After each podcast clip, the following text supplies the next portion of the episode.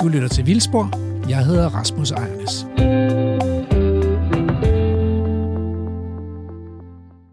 I så er det blevet tid til Vildspor igen.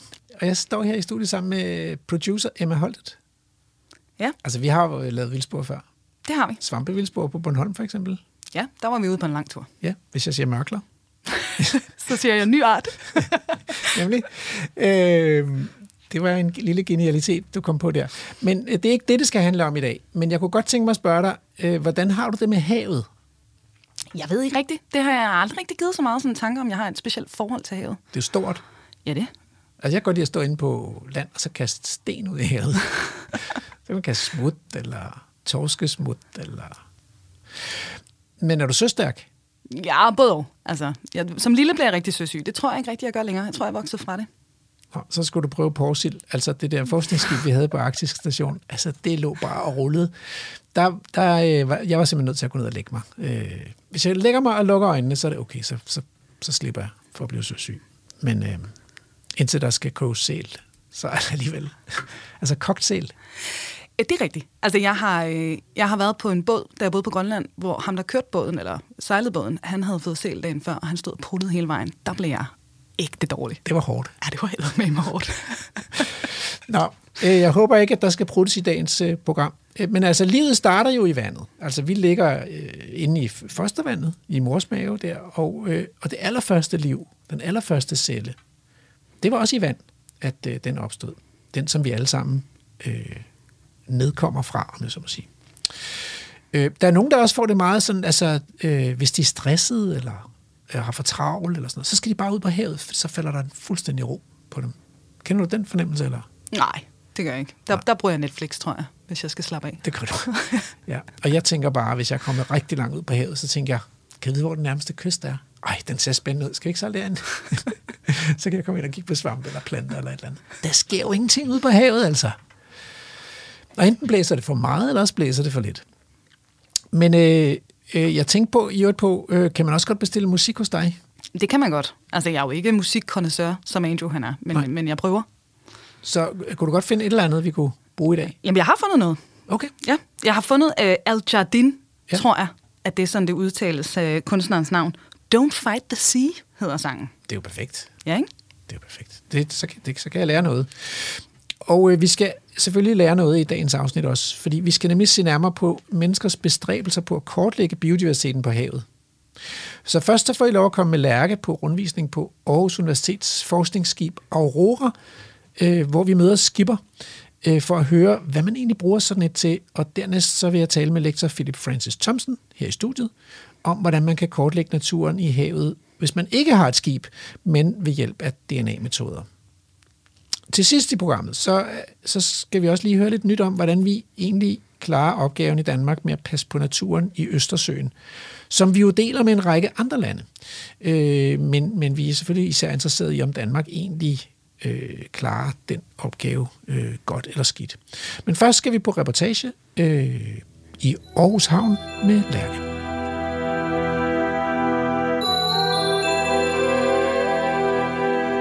I was out in a that was gently afloat when the wind started blowing on me. When the wind starts blowing, you better get going. You don't fight the sea. Don't fight the sea. Don't fight the sea. Det er mig, der er Lærke Sofie Glerup, og lige nu er du på reportage i Vildspor på Radio 4. Ja, velkommen udenfor igen. Nu øh, står vi simpelthen her, herude i øh, sådan en god gang silende grå februarregn. Og øh, vi er på Aarhus Havn i dag, så vi er faktisk ikke sådan taget decideret ud i øh, naturen, vil man næsten mene, for vi har, vi har sådan asfalt under vores fødder. Vi står lige under et, øh, et lille udhæng her på en, på en skurvogn på havnen og lige øh, sørger for, at vi kan holde os nogenlunde tørre. I dag der skal det handle lidt om, øh, hvordan man kan lave undersøgelser ude på øh, havet. Og øh, det er jo ikke så nemt. Der er jo rigtig meget af verdens natur i virkeligheden, som er mere eller mindre utilgængeligt under vandets overflade. Men øh, vi skal snakke med en i dag, som, øh, som rent faktisk kommer ud på havet ganske ofte og arbejder lidt med, hvordan man kan tage, tage prøver ude på havet. Vi skal nemlig være afsted med øh, forskningsskibet Aurora, som hører til Aarhus Universitet. afsted og afsted. Det kommer faktisk bare til at ligge herinde i havnen. Men vi skal i hvert fald ud og, og se skibet og få en lille rundvisning og høre lidt om, hvad det er for nogle projekter, det her skib det medvirker i. Og vi skal tale med skiberen dernede fra Torben Vang, så ham skal vi ned og finde her om et øjeblik. Det kræver så nok, at vi bevæger os ud i regnen, men sådan må det være. Og øh, vi er mange steder i dag. Vi er øh, først og fremmest mig selv, Lærke Sofie Glerup, som øh, er den, der fører ordet her i, øh, i reportagen. Så har vi øh, Christian Kruse, som er vores helt nye praktikant. Og så har vi Seja Villersen, som øh, er ham, der ved lidt om, om lyd. Vores lyd-ekvilibrist, kan man vist godt tillade sig at sige. Ja, men vi skal, vi skal ned og finde Torben.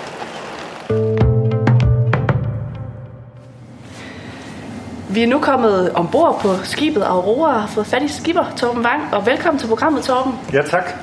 Vi er vældig glade for, at du har været med. Jeg har lyst til at være med i programmet. Og velkommen til jer. Ja, tak. Vi er jo kommet lidt ind i det, det hellige rum her, dit øh, kontor med den gode havudsigt her på broen. Det kan være, at vi skal starte med at høre lidt om dig. Hvad, hvad er din baggrund egentlig for at være blevet skipper på sådan et skib som det her? Jamen, øh, det er jo en øh, lang historik øh, med en blanding af forskning og søfart. Øhm, jeg er oprindeligt uddannet geolog med speciale inden for oceanografi, og har sådan set altid været til søs, hvad enten det har været forskningsmæssigt eller, eller, øh, eller sejladsmæssigt. Så har jeg papirerne til at måtte sejle sådan en gondol som den her, vi står, vi sidder i nu, eller er på nu. Øhm, og den kombination har vist sig at være rigtig effektiv. Du forstår forskernes sprog. Det er godt nok vigtigt at kunne forstå, hvad opgaven er, når vi er ude.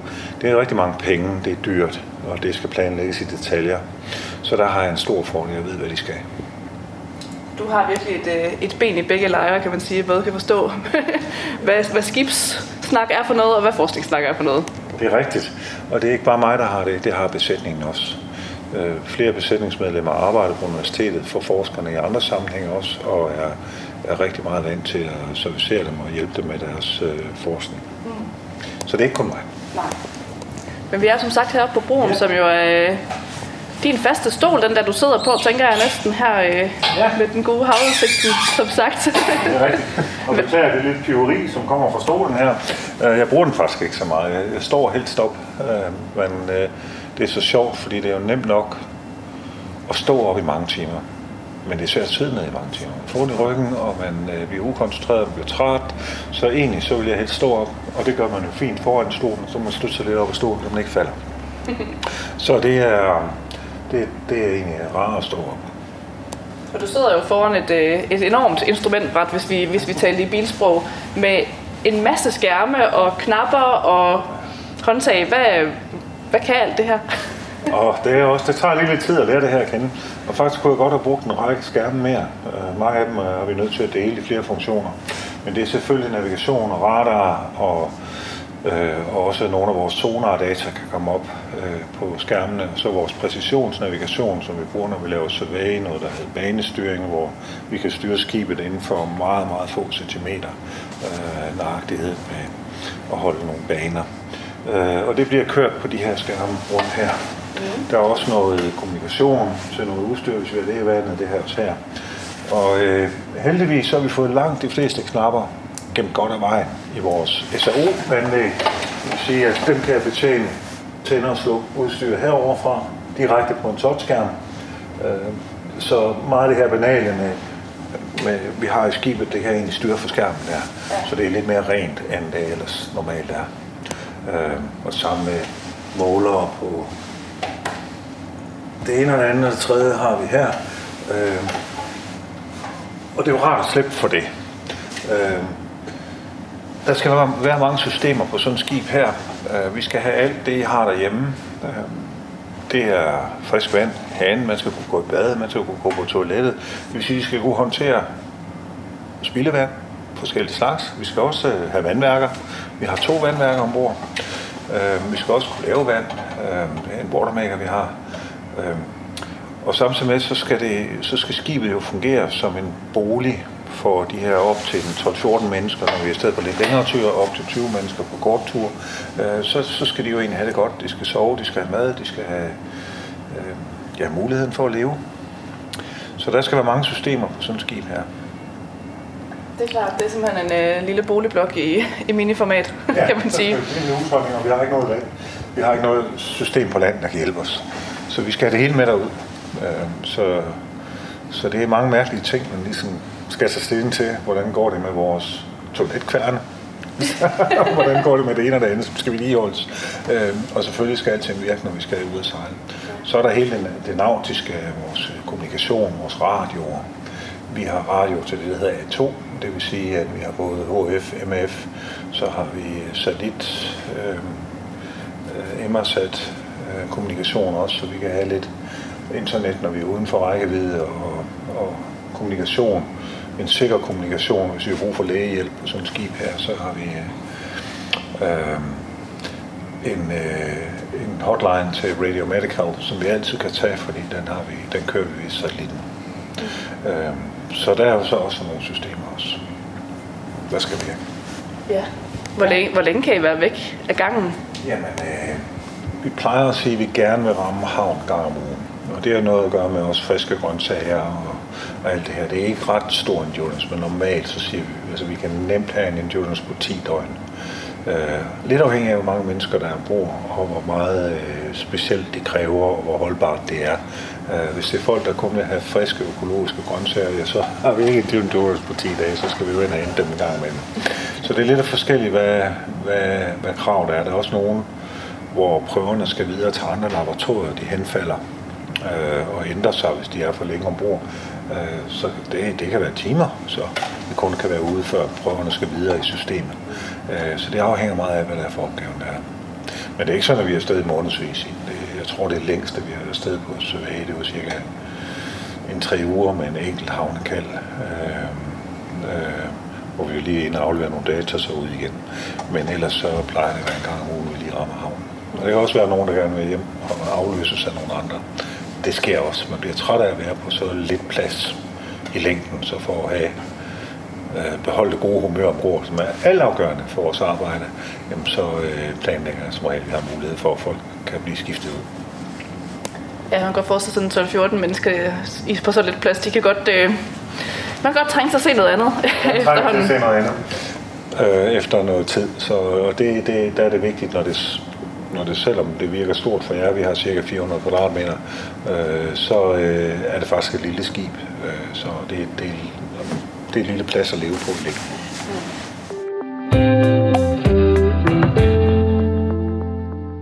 Øh, nu står jeg oppe af en stol her. Ja. Hvem, øh, hvem bruger den? Det er en forskerplads. Der er et par skærme, vi kan række til. til øhm, hvis vi slæver udstyr efter os, som vi øh, skal hele tiden skal kommunikere om, hvordan vi skal håndtere hvad retninger og hvordan vi skal styre i forhold til det, jamen så kan det være en forsker, der sidder der. Hvis det så toget og usigtbart vejr, så har vi jo etableret ekstra udkig her. Så kan det være en hvileplads til den ekstra udkig. Derfra kan man også se radar og ting og sager. Men som regel vil den ekstra udkig være, har travlt beskæftiget med at kigge ud af vinduet. Det gør vi jo i tog. Og, så det er egentlig meget en forskerplads. Nu, nu kan jeg godt uh, tillade mig at sige, at jeg er ikke sådan super søstærk. Nu sagde du lige sådan en vågeplads, og hvis der nu er øh, lidt dårligt vejr og sådan noget. Altså, er I ude i, i alt slags vejr egentlig? Ja, nogle gange er vi jo nødt til at være det. Det er ikke altid øh, frisk valg. Øh, skibet er udstyret med noget anti-rul-system, og, øh, og det har værstedet ved Sanden, der bygget skibet, lavet virkelig fornuftigt og fint, og det virker. Øh, der, hvor vi har lidt problemer med at følge med, det er på pitchen. Der er lavet lidt, men det virker ikke så godt. Altså, så, så vi ruller ikke så meget, men vi pitcher en del, det vil sige næsen op og ned. Og det er der nogen, der kan blive søsyge af.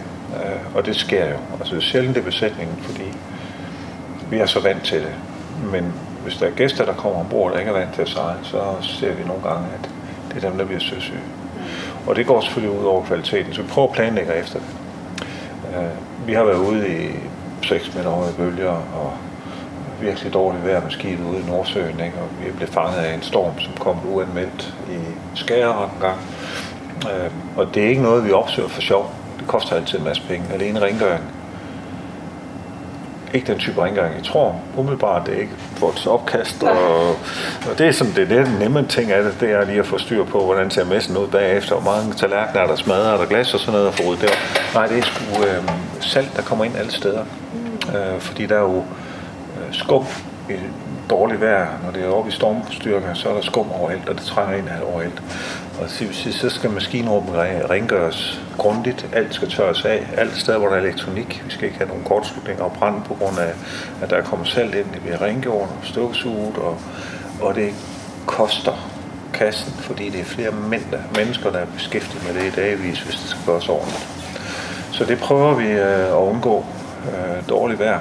Øh, så er der selvfølgelig alt grej, der går stykker, og porcelæn og sådan noget, det er hvad det er. Men øh, det kan også være grej på dækket, øh, der går stykker, som kan være milliondyrt. Ja. Så vi prøver at passe på. Det er klart. Ja. Men synes vi er et issue på et skib. Sådan er det. Og det må vi jo håndtere hver især så godt vi kan. Øh, Der er også noget, der hedder medicin, man kan få til at dæmpe effekterne af det. Nu ser du øh, lidt om besætningen. Hvor mange besætningsmedlemmer er I, når I er afsted? Vi er typisk fem besætningsmedlemmer skibet afsted. Så øh, når vi arbejder i 24 timers drift, det vil sige, at der er en til broen, en til dækket, og så er der en, der sørger for, at folk får noget mad. Ja.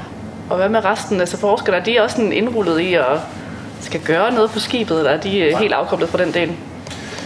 De er helt afkoblet fra at gøre noget på den del. Øh, Vi har to kategorier af forskere med. Dem, der bruger skibet meget, som er meget aktive og som skal være arbejde meget på skibet, de har øh, nogle kurser, som er godkendt af Søfartsstyrelsen. Det er søsikkerhed og, og øh, sundhedstek for søfarerne. Og det vil sige, så indrullerer vi dem som besætning uden forpligtelser. Det betyder, at de ikke indgår i øh, skibets brandberedskab. Øh, de er ikke, indgår ikke i, i øh, skub redningsflåde af vandet osv. Øh, men de ved, hvad det drejer sig om. Og øh, de får jo også, øh, inden vi sejler ud, når vi sejler nogle steder, får alle et grundigt kursus i, hvad gør vi. Vi laver mønstringsøvelser, og vi laver, de skal prøve at have overlevelsesdragter på, de skal prøve, eller redningsdragter, som det hedder rigtigt. De skal prøve, de ved, hvor de skal gå hen, når alarmerne ryger, de kender alarmerne osv. Det gør vi med alle, der kommer ombord. Og det tager faktisk noget tid, men det er vigtigt øh, for os, at folk ved, hvad de skal. Når man bliver bange, så tænker man sig ikke altid så godt om, og reagerer nogle gange meget ulogisk. Det er også lidt det, der sker, øhm, når folk de udvid, u, øh, udfører vejvrede eller ting og sager. Det er tit, fordi folk bliver bange for situationerne, og så stopper man med at være rationel. Så det skal nærmest ligge på ryggraden, hvordan folk agerer, hvis der fx opstår en brand ombord. Eller at vi, så vi træner det. 7 i 13 har vi ikke haft brug for det, men øh, det er godt at have træner, og det gør også, at folk, der er her ombord, de har en vis tryghed. De bliver udstyret, alle har deres egen redningsveste, som vi kender og ved er godkendt, og den har de på hver eneste gang, de går på dækket. Og det, der er det mentale i det, i det, i det, det er, når man tager en redningsvest på, ups, det er man ikke vant til, så er man klar over, at nu skal man være særlig på, agtpågivende, man skal passe på, man ikke slår sig, man skal passe på, man ikke falder over bord. Så med den redningsvest, så tager man sikkerhedspakken ombord, og det gør man hver gang man går på dækket. Mm. Og det øver vi os meget i her ombord. Ja. Så det er ikke kun øh, det fysiske, eller de, sådan, øh, hvad skal man sige, de fysiske, fysiske rammer, det er også rigtig faktisk ret meget om, om det mentale for hos, øh, hos de folk, der er ombord. Alt sikkerhed har sit udgangspunkt i det mentale. Øh, Den største årsag til ulykker, det er ikke mangel på hjelme og redningsveste og sådan noget. Det er den mentale reaktion, man har på det. Det er vrede og angst. Det er der, folk bliver irrationelle og opfører sig mærkeligt.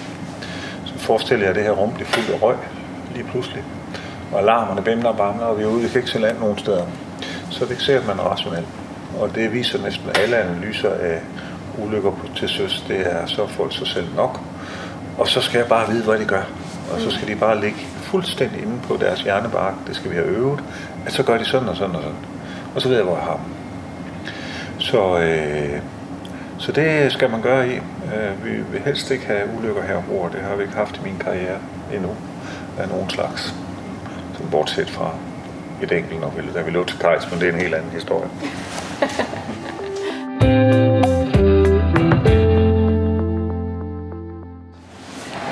Vi er faktisk så heldige, så øh, det er ikke kun er Torben, der er her på skibet i dag. Der er faktisk også et par forskere, blandt andet dig, Bro Tamdrup fra Syddansk Universitet. Og du har lige sagt ja til at, at sige lidt om, at Ja. ja. I faktisk skal bruge skibet her lidt senere på sommeren. Ja. Hvad er det, I skal bruge øh, skibet til? Jamen, vi har fået, været så heldige at få penge, så vi kan bruge skibet i 10 dage i øh, Maja Fjord, øh, hvor vi skal se på forskellige øh, processer i vandet, som har med ildsvind at gøre. Ildsvind er jo et, et, et problem generelt i, far, i danske farvand, og Maja Fjord er der så naturligt forekommende ildsvind inde i, inde i den dybe del af fjorden. Og det bruger vi som sådan et modelsystem for at forstå øh, mange af de processer, der foregår. Det er jo sådan, når ilten forsvinder, så dør de større organismer, men der er masser af mikroorganismer, der klarer sig. De omsætter stoffer på forskellige måder, som er interessante. Det er det, vi skal undersøge. Mm.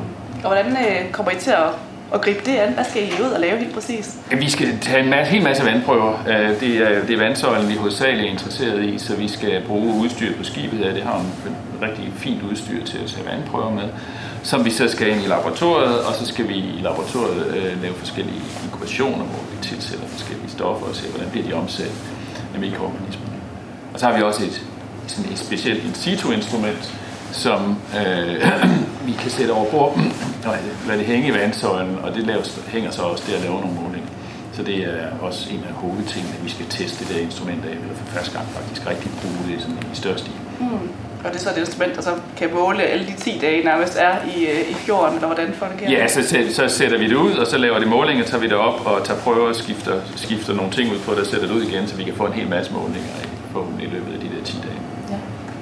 Jeg kunne forestille mig, at øh, der selvfølgelig er noget, noget praktisk i, at man kan lave både undersøgelser, men også øh, analysere arbejdet det samme sted, fordi ellers så, hvis man skulle ud i en, i en lidt mindre båd og måske tage prøverne og så hjem i laboratoriet hjemme på Syddansk. Universitet, så er det vel en, Ja, en længere præcis. proces. Ja, fordi det har vi også gjort lidt i Maja Fjord, altså, hvor vi har været ude. Vi har været, for eksempel været heldige at kunne komme ud med Miljøstyrelsens skib der en gang imellem. Men så er der for det første tre timers kørsel til Maja, tre timers kørsel hjem, og så skal man så til at sætte tingene op. Og, og mange af de her ting kræver faktisk, at man kan arbejde med helt friske prøver. Så det at kunne få dem op og få dem direkte ind i laboratoriet, er en kæmpe fordel. Det er klart. Hvad øh, håber I projektet det munder ud i? Hvad, øh, hvad skal det bruges til? Jamen, det skal bruges til at få en bedre forståelse af, af hvad det er, der foregår i forbindelse med ildsvind. En af de, vi skal måle mange forskellige ting der, men, men en af de ting, vi er interesseret i specielt den her gang, det er, er lattergas. Det med sådan, at øh, der kan, under, under ildsvind kan blive dannet ret store mængder lattergas. Øh, og lattergas er en meget kraftig drivhusgas. Man ved faktisk overhovedet ikke rigtig noget om, hvor meget lattergas, der kommer ud af danske kystnære farvand. Og specielt i forbindelse med ildsvind, vi har nogle data, som tyder på, at det kan betyde en hel del faktisk for, som, som, som drivhusgasudslip. Men det ved vi ikke noget om, så det er en af de mange ting, vi skal prøve at kigge på. Ja, og spændende, at man kan lave, ja, undersøge flere ting, som du siger, det er bare en af de mange ting, øh, I skal undersøge. Ja. Ja. Det, ja, det var tak, øh, fordi du lige øh, ville bruge et par minutter Jamen, på lige at fortælle lidt om, hvad I skal bruge skibet til her lidt senere på året. Ja, tak. Don't fight the sea.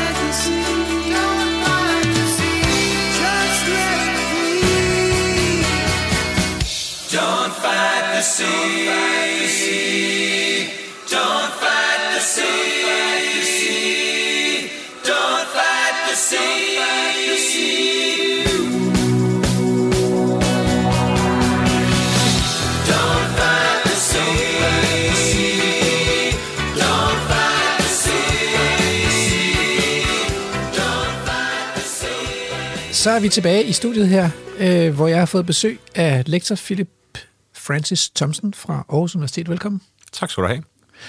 Og øh, altså, dig mødte jeg simpelthen første gang, da du var biologistuderende, Ja, øh, til en, en eksamen, hvor jeg var sensor.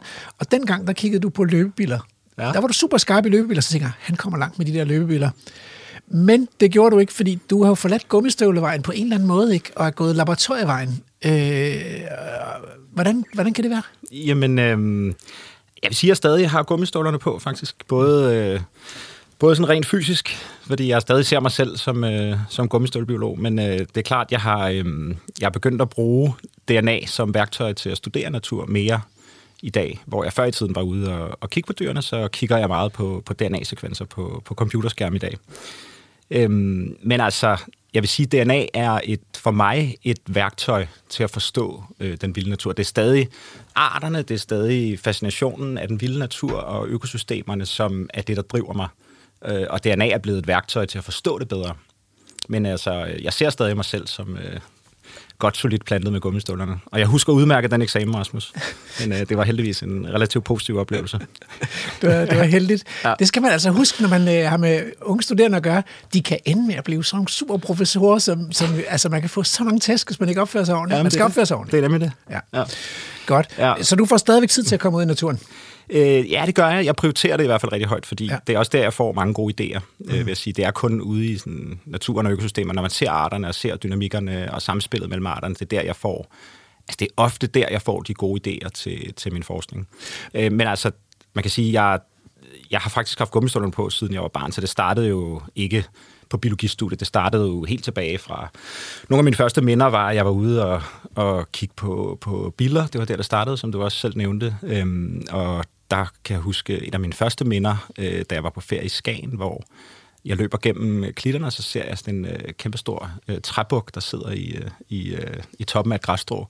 Øh, den vækker sådan en eller anden interesse øh, i mig, så jeg samler den op og tager den med hjem, og min far og min farfar var ret interesseret i natur og samlede sommerfugle og præparerede dem og sådan noget, så det havde allerede fået sådan lidt en kim øh, lagt der. Men, øh, men den der øh, træbuk der, som så viser sig senere at blive identificeret til den, der hedder væveren, oh, som er, er stor. Det er, det er en rigtig flot dyr, ja. øh, som lever der i klipplantagen af, af pil øh, og birk og sådan noget. Og den, øh, altså da jeg, da jeg først fandt ud af, hvad det var, så var det som om, det vagte en eller anden, altså sådan dyb, dyb interesse og fascination for, for den vilde natur, fordi jeg kunne sådan forstå, at okay, det er jo bare en af, af de mange arter, der er derude, og hvad så med den der, hvad så med den der? Og det var som om, jeg ikke rigtig, altså efter den oplevelse, var det som om, jeg ikke rigtig kunne få nok mm.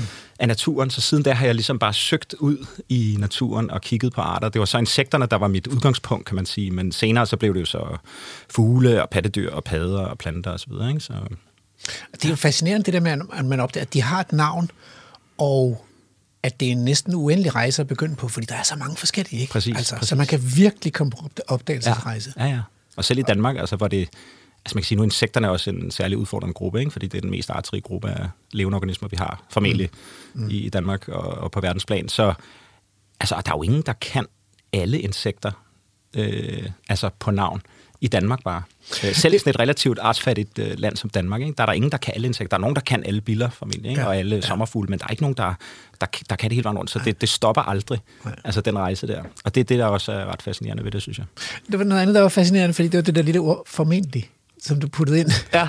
er, det, er det DNA-arbejde, der har lært dig lige at være lidt forsigtig? Ja, både og vil jeg sige, ej, det, er nok, det kommer så nok af, altså formentlig den mest artrige gruppe, var det det? Ja. ja, ja men det kommer af, at øh, man jo Altså, vi har jo kun beskrevet 10 procent af livet på jorden, cirka, ikke? så vi mangler stadig 90 procent. Og, og noget af det, som, som forskerne i hvert fald øh, antyder lidt, det er sådan en gruppe som for eksempel rundormene, øh, som både har øh, masser af arter, der lever fritlevende øh, i, i jorden og i havet, og dem kan vi snakke om senere, og i ferskvand, og øh, over det hele også som parasitter i øvrigt, er det en rigtig artsrig gruppe. Den når, hvis vi får beskrevet alle arterne på jorden, hvilket vi formentlig aldrig gør, men hvis vi gjorde, så vil den gruppe formentlig være en af dem, der kunne være kandidat til den mest artrige gruppe. Wow. Så bare fordi, at vi, altså, altså de arter, vi har beskrevet på jorden i dag, er ikke nødvendigvis repræsentativt for, for, for mm. den egentlige diversitet derude. Mm.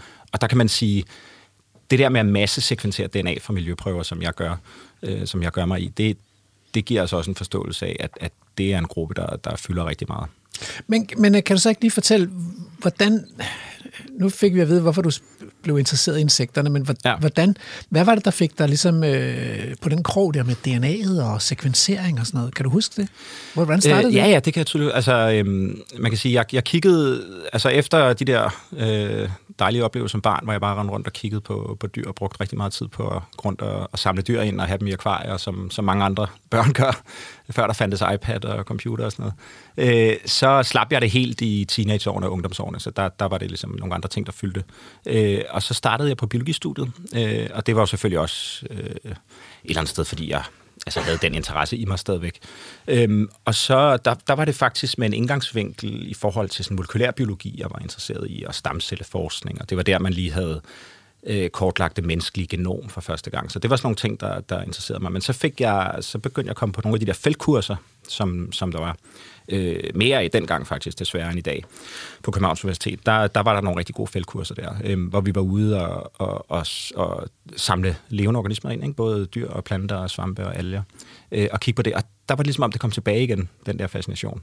Mm. Øh, og så blev jeg ret hurtigt, øh, så kom jeg ind på en, øh, på en forskningsafdeling for evolutionsbiologi, øh, hvor vi studerede insekter. Det var insekter, der ligesom øh, stadig var var, øh, var nøglegruppen for mig. Ja. Så, øh, så, så jeg havde nogle forelæsninger om, om insekternes øh, evolution og oprindelse, og så kom jeg ret hurtigt, blev involveret i noget forskning, hvor vi brugte molekylære metoder til at forstå insekternes udvikling og deres slægtskab med, øh, med hvad det, det hedder, de øh, krebsdyr, som er deres nærmeste slægtning. Og der fremsatte vi faktisk en teori, øh, som var ret ny på det tidspunkt, øh, omkring at øh, insekterne faktisk er krebsdyr, der er gået på land. Mm. Øh, og det, det, var sådan, øh, det var ret revolutionerende i forhold til, hvad der stod i lærebøgerne, hvor det mere var nogle andre grupper af, af leddyr, som var deres nærmeste slægtninge. Men altså, vi brugte de her molekylære metoder, og så... Øh, så lavede jeg PhD, øh, og det gjorde jeg hos øh, den famøse Eske Villerslev, som mange nok kender. Øh, og, og han øh, var jo egentlig, altså en af hans første store gennembrud var jo faktisk det her med at vise, at i jordprøver fra Sibirien, der kunne man finde DNA fra fortidens økosystemer, altså både planter og uddøde dyr som mammutter og moskusokser, og bison og lemming osv. Så, øh, så både uddøde og nylevende dyr fra, fra økosystemer 10.000 vis år tilbage. Men mig og, og nogle af mine kollegaer og venner, der, vi var mere interesserede i de moderne øh, biodiversitet. Og været det. Så, så, så der, der var faktisk kommet nogle, nogle studier ud øh, fra en fransk forskningsgruppe, som viste, at, øh, at man kunne tage moderne prøver, altså vandprøver fra søer, og så øh, få DNA fra, fra padder. Mm. Øh, og deres modelorganisme, det var sådan en, eller ikke model, men deres, øh, den organisme, de studerede, det var en øh, oksefrøen, som er sådan en øh, invasiv paddeart øh, i Frankrig. Så, så det var helt nyt på det tidspunkt, og så kan man sige, så videreudviklede vi det her, fordi vi var ret fascineret af, om, om kunne man bruge det her sådan i overvågning, kunne vi bruge det på alle de andre organismer, og kunne vi bruge det sådan, altså til troede arter og sådan noget, ikke? Så, så vi, satte nogle, øh, vi begyndte at sætte nogle forsøg op øh, på toppen af Zoologisk Museums tag, hvor vi øh, havde øh, haletusser og salamander laver sådan noget i akvarier, og så tog vi vandprøver, og så viste vi faktisk, at det, det kunne man godt, og så gik vi ud og testede det i, i søer og vandløb, og, og så kan man sige, så kom der lige pludselig hul igennem, fordi så kunne vi se, at, at det var ikke bare padder, det var også fisk, vi kunne finde DNA fra, fra insekter, guldsmedlarver i kæmpestore svenske søer, hvor vi knap nok kunne finde dyrene. Der fandt vi også DNA fra de her øh, larver. Øh, og vi kunne finde krebsdyr-DNA, og selv DNA fra, fra ådder, som er sådan semi-akvatisk pattedyr. Ikke? Den, øh, den kunne vi også finde DNA fra. Øh, vi kunne også vise, at, øh, at der var sådan en kvantitativ sammenhæng øh, mellem antallet af dyr og mængden af DNA. Så, det er jo vildt, altså. Ja, så der tog det sådan rigtig fat der. Så vi lavede sådan et ret, øh, altså et ret omfattende studie, hvor vi viste, at for truede arter, øh, øh, truede europæiske ferskvandsarter, der kunne vi faktisk hele vejen rundt vise, at, øh, at vi kunne finde DNA for men, de dyr. Ja. Men altså, nu, nu bliver du simpelthen nødt til at forklare, fordi, øh, fordi det er jo stadigvæk et mysterium for de fleste, tror jeg selvom man har været henne og få lavet en PCR-test. Det er også noget med DNA. Ja, det er det i høj grad. PCR-test. Ja. Øh, så det er stadigvæk et mysterium, hvordan man, hvordan man finder det. Så, så, så man tager en vandprøve. Hvad så? Ja. Jamen altså, øhm, PCR er faktisk ret centralt i det her. Så man kan sige, altså udgangspunktet for hele det her, det er jo den der forståelse, vi har fået igennem de sidste, vil jeg sige, altså 10 år, hvor det har været. Altså vi kom ud med det første studie der i 12. Øh, og der var der kommet nogle enkelte studier ud øh, før det. Mm. Men, men siden da har det jo bare eksploderet med studier, så der er jo tusindvis af studier i det her miljø DNA. Så, så den forståelse, vi efterhånden har fået af det her, det er, at jamen, ude i naturen, der vader vi simpelthen rundt i DNA. Altså i, i, i, i søer, i hav, selv i luften og i jorden, der er der fyldt med DNA for de år. Så det er ikke kun organismerne, det er også deres DNA, der ligger frit tilgængeligt. Og det er ligesom udgangspunktet. Hvorfor det? Jamen, det, altså... jamen det, det, det er altså øh, fordi, at de her arter jo øh, udskiller DNA, som de lever. Ikke? Så, så, øh, så diverse kropsvæsker forlader jo levende organismer igennem deres liv. Øh, og når arterne, når individerne dør, så udskiller de jo også DNA. Så når Men de altså, tisser eller ja, skider i naturen? Ja, det er det eller... i hvert fald. Det er, altså overflade i betel og, og tarmindhold og sådan noget, der kommer ud. Og fordi at, at der er jo Altså, at levende organismer består af celler, og inde i cellerne, der er der altså en komplet kopi af, af det samlede I alle arvemateriale. cellerne, I alle cellerne. Og det er jo, altså, det er noget helt vildt smukt ved i virkeligheden, ikke? At, at alle arter her på jorden er jo skrevet med det samme alfabet. Ikke? Altså, vi består alle sammen af de her øh, fire øh, bogstaver, øh, af de her fire basepar, som DNA-streng er lavet af. Så det er jo, altså, det er der jo virkelig noget smukt i, at vi, altså, det er jo vores samhørighed med alle de andre levende organismer, ikke? hvis vi lige ser bort fra jo et virus der, som er RNA-baseret, men det er sådan lidt noget for sig. Mm. Øhm, men altså, ikke desto mindre, så, så er der jo tusindvis af celler, øh, Øh, der kommer ud i miljøet, og de går i stykker, og så kommer DNA'en ud i miljøet. Og det kan man simpelthen samle op. Så det er udgangspunktet af det. Så man tager simpelthen en prøve fra det miljø, man nu studerer, hvor organismerne lever. Og lad os nu sige, det er en, en ferskvandsprøve her. Så går man ned i en sø, og så tager vi en vandprøve. Så er det første step, det er typisk at isolere DNA'en øh, fra alle de andre øh, stoffer, proteiner og kulhydrater og sådan noget, der er i det. Øh, og det gør man jo typisk i laboratoriet. Og så er det, man... man øhm, det er man en kigge- oprensningsproces? Ja, så man laver sådan en oprensning af DNA'et, så man får det så rent som muligt. Øhm, og så er det sådan, at hvis man, hvis man, man kan simpelthen ikke kigge på alt det DNA, der er i sådan en miljøprøve, for selv i en lille, øh, altså selv i en liter vand taget fra et sø, der er der simpelthen, altså, altså tusindvis og millionvis af DNA-strenge, ikke? og de er rigtig, rigtig lange, fordi det er det samlede arvemateriale for de her organismer, og det kan være mange milliarder basepar langt. Ikke? Så man kan simpelthen ikke kigge på det hele, mm. og det er vi heller ikke referencedata til. Så, så man går ind og laver en PCR, og en PCR det er simpelthen bare opformering af et specifik region, altså et specifikt gen mm. i, i DNA'en, som, som Bare et, er... lille, et lille stykke. Ja, et af- meget lille stykke. Ja. Og det er jo virkelig det fascinerende det her. Så selvom vi har, altså mennesket har jo 3 milliarder de her basepar, så skal der jo ikke meget mere end omkring 200-300 basepar til, for at sige, at det er et menneske, og ikke en chimpanse, eller en øh, øh, hvad det hedder, blokklokke, eller en øh, fluesvamp, eller en løvfrø. Ikke? Så vi er alle sammen forskellige, og der skal ikke særlig meget DNA til, at, uh, sætte et artsnavn på og skille uh, de forskellige arter fra hinanden. Så det er det, man kalder sådan en barcode, har man brugt, uh, den uh, analogi. Så man kalder det her DNA-barcoding, eller metabarcoding, hvis man kigger på mange uh, DNA-sekvenser på samme tid. Som sådan Så- et billede, ligesom hvis man går hen i brusen og scanner nogle koder på sine varer, og får sådan et stregkodesystem. Lige præcis. Ja. Og det er, det er så relativt små mængder, men, men man opformerer det først, øh, så man ligesom får opkoncentreret denne her del af DNA'et, hvor man rent faktisk kan se forskel mm. øh, på de forskellige arter. Og så går man ind og laver en sekventering. Øhm, og sekventering, det består i virkeligheden bare i, at man, man, man sætter nogle farvemærkede øh, baser på øh, de her DNA-strenge, og så bliver, der, bliver det registreret, hvilken farve det er, så de enkelte bogstaver, de har hver sin farve, det er så kemisk mærket, øhm, og så bliver der taget et lille billede, når de her DNA, øh, eller nukleotider, som er byggesten i DNA, bliver sat på. Og så på den måde, så kan man så læse, øh, hvad det er for en DNA-sekvens, man havde i den oprindelige prøve. Øh, og det, der er sket inden for de sidste 10 år, jeg har arbejdet med det, der er det gået fra, at vi lavede altså ganske få sekvenser i laboratoriet, mm. altså måske en 100 sekvenser, til vi i dag laver 100 millioner, hvis ikke en milliard. Og, og vi kan slet ikke lave det, vi laver det ikke selv i vores eget laboratorium, men vi sender det simpelthen ud til kommersielle laboratorier. Så der er sket en, altså en helt vanvittig revolution i forhold til at få meget, meget, meget store mængder DNA-data fra en prøve. Og det er klart, det betyder enormt meget i forhold til, hvor meget vi kan sige om biodiversiteten i sådan en øh, prøve. Ikke? Men det lyder jo også som en helt vanvittig opgave, når man så får data hjem. Ja, Altså- det er en... Fordi man, kan- man kan ikke sidde og bladre igennem de her data. Det er jo, det er jo helt overskueligt, altså. Det kan man slet ikke. Det er, altså, og der vil jeg sige, der er jeg, altså, ikke bare på det punkt, men, men især på det punkt, der er helt utrolig afhængig af mine dygtige øh, folk i min forskningsgruppe. Der er nogen, der specialiserer som, sig i som det. specialiserer sig i det her. Ikke? Fordi jeg har ikke engang selv kunne følge med. Jeg forstår, hvad der sker, men det går simpelthen så hurtigt, så det jeg selv lavede, da jeg lavede min PhD, det er helt anderledes i dag. Mm. Øhm, og det kræver en, øh, altså, en PhD-grad næsten i matematik for at kunne, for at kunne lave den her øh, bioinformatiske arbejde, som det hedder. Ikke? Så det kan, være, ja. det kan være ret kompliceret, øh, og der er en hel del øh, udfordringer, der opstår i forbindelse med sekventering af det her data. Der kan man nævne mange, men jeg vil bare nævne noget af det, som er mest udfordrende, det er, at at der sker nogle, nogle fejl i den her sekventering. Så det er ikke alle de sekvenser, man får tilbage, man bare kan sige en til en. øh, Det er den her sekvens, vi får. Der er simpelthen nogle udskiftninger af basepar, som ikke var i den oprindelige DNA-streng, man fik ud. Mm. Øhm, og det betyder, at, at sekvenserne kan pludselig ligne noget andet, end det, det var. Altså det, det oprindelige er. Mm. Og, og filtrering af den, de fejl der, det, det, er, det, er en meget, det har været en stor hovedpine, men, men vi og mange andre forskningsgrupper har kommet rigtig godt øh, over det der, så vi i dag kan levere sådan meget, meget altså, troværdige data, hvis man laver en meget konservativ øh, øh, filtrering af, af, af sekvensdata. Men det kræver altså nogle... Det kræver noget helt andet end, end bare en biologiuddannelse, vil jeg sige. Så der ikke lige pludselig dukker en bananpalme op i en midtjysk sø eller sådan noget?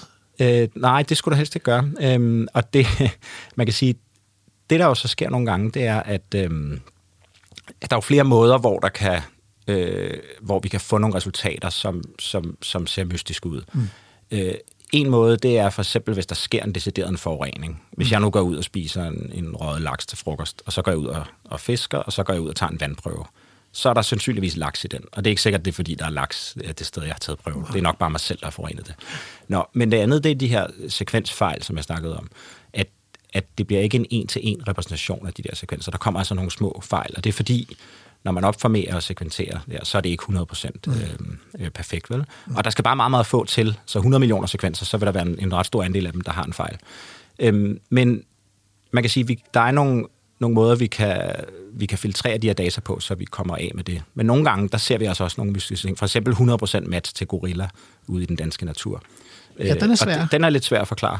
Øh, jeg har hørt, der løber en puma rundt i ja, Jylland, men, ja, men, men ikke en gorilla. Nej, ikke gorilla. Men, men det er vi så, kan man sige, altså forklaringen på det er jo, at det er menneske-DNA, ja. og, og der skal ikke så mange mutationer til, altså ændring af basepar i menneskets DNA, for det ligner gorilla 100%. Ikke? Ja. Men det er simpelthen de fejl. Det kan også have en chef, der er sådan lidt af en, det, lidt af en det, gorilla. Det kunne man også, uh, afhængig af hvilket laboratorium man har lavet det i, det kan selvfølgelig ja. godt være.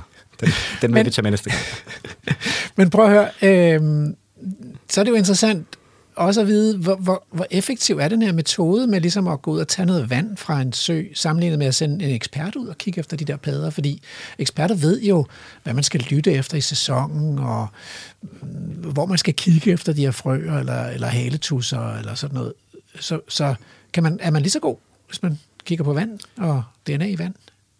Det er rigtig effektivt. Øhm, og i nogle tilfælde, der er, det, der er det mindst lige så effektivt, hvis ikke bedre, end, end de traditionelle metoder, der okay. findes. Men det er ekstremt kontekstafhængigt.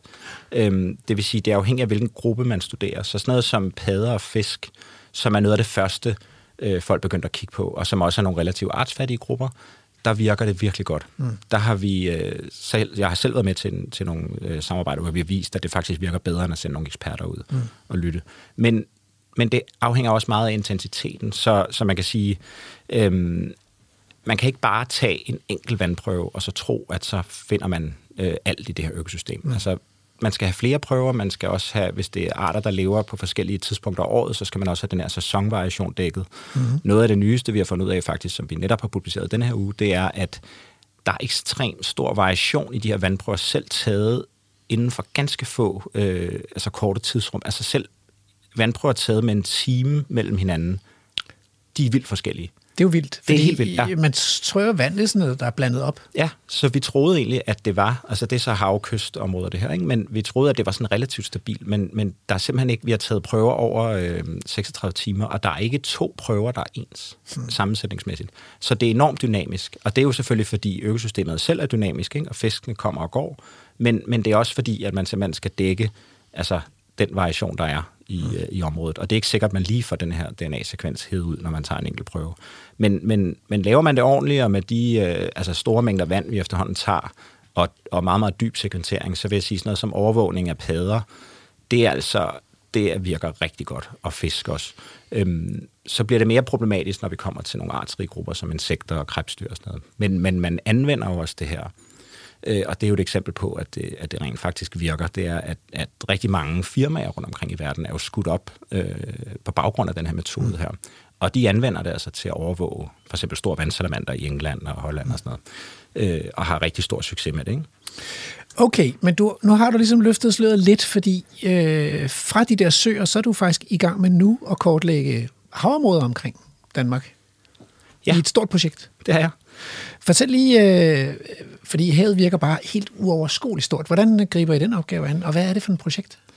Jamen, øh, måske kan jeg bare lige ganske kort sige, fordi vi, altså, havet er egentlig noget, som, som vi lavede faktisk som de første, hvor man kan sige, de, de første studier om det her miljø, DNA i vand, det var, det var, på, det var på ferskvand. Mm. Øh, og så snart vi havde publiceret det her, så tænkte vi, okay, med havet, det, det ville jo være helt vildt fedt, hvis vi, øh, hvis vi kunne finde fisk i, i havområder. Mm. Så, øh, men det virkede også lidt uoverskueligt, så, så vi tog nogle prøver, som, som var altså sådan nogle relativt små vandprøver, og så testede vi det her tilbage i 2011-12 stykker der.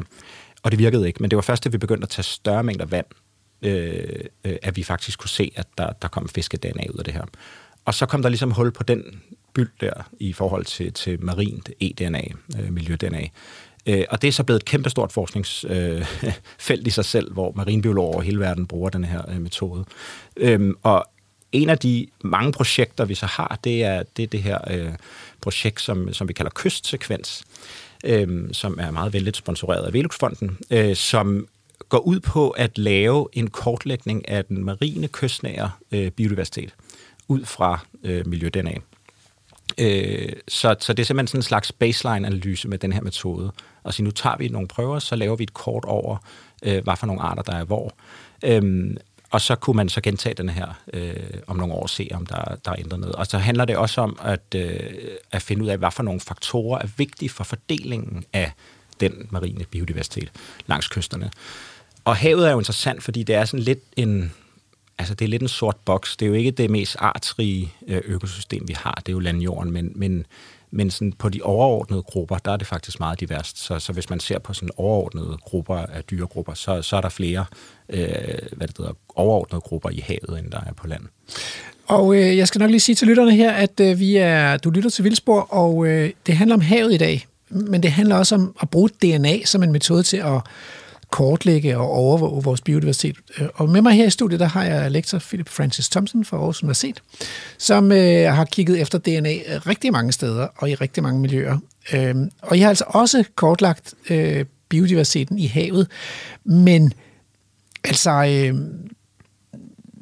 hvor mange steder skal man så ud for at få et rimeligt billede af, af havområdet? Altså, det, vi har en mega lang kyst, mange tusind kilometer lang kyst det det. i Danmark. Det er jo nemlig det, vi fandt forskellige ud. kyster. Ja, lige præcis. Øh, og det måtte vi jo også erkende. Altså, vi, vi har jo over 8.000 km kyst øh, det det. i Danmark, øh, tror jeg det er. Og, og, og det er klart, skulle man lave en fuld kortlægning, så ville det jo være et, et kæmpe projekt. Men, men det er også et, et kæmpe projekt, det her. Så vi har faktisk taget øh, over 1.000 prøver Mm. Så vi har været rundt langs, altså simpelthen fra, vi har lagt nogle forsknings- eller nogle, øh, nogle indsamlingsstationer øh, langs hele kysten af Jylland. Start nede i Vadehavet i syd, og hele vejen op ad vestkysten, op til Skagen og ned langs østkysten af Jylland, rundt om Fyn, rundt om Sjælland, øh, Lolland Falster og Bornholm. Så vi har simpelthen altså, prøvet at dække så geografisk øh, øh, et stort område som overhovedet muligt øh, med den kapacitet og økonomi, der så er i det.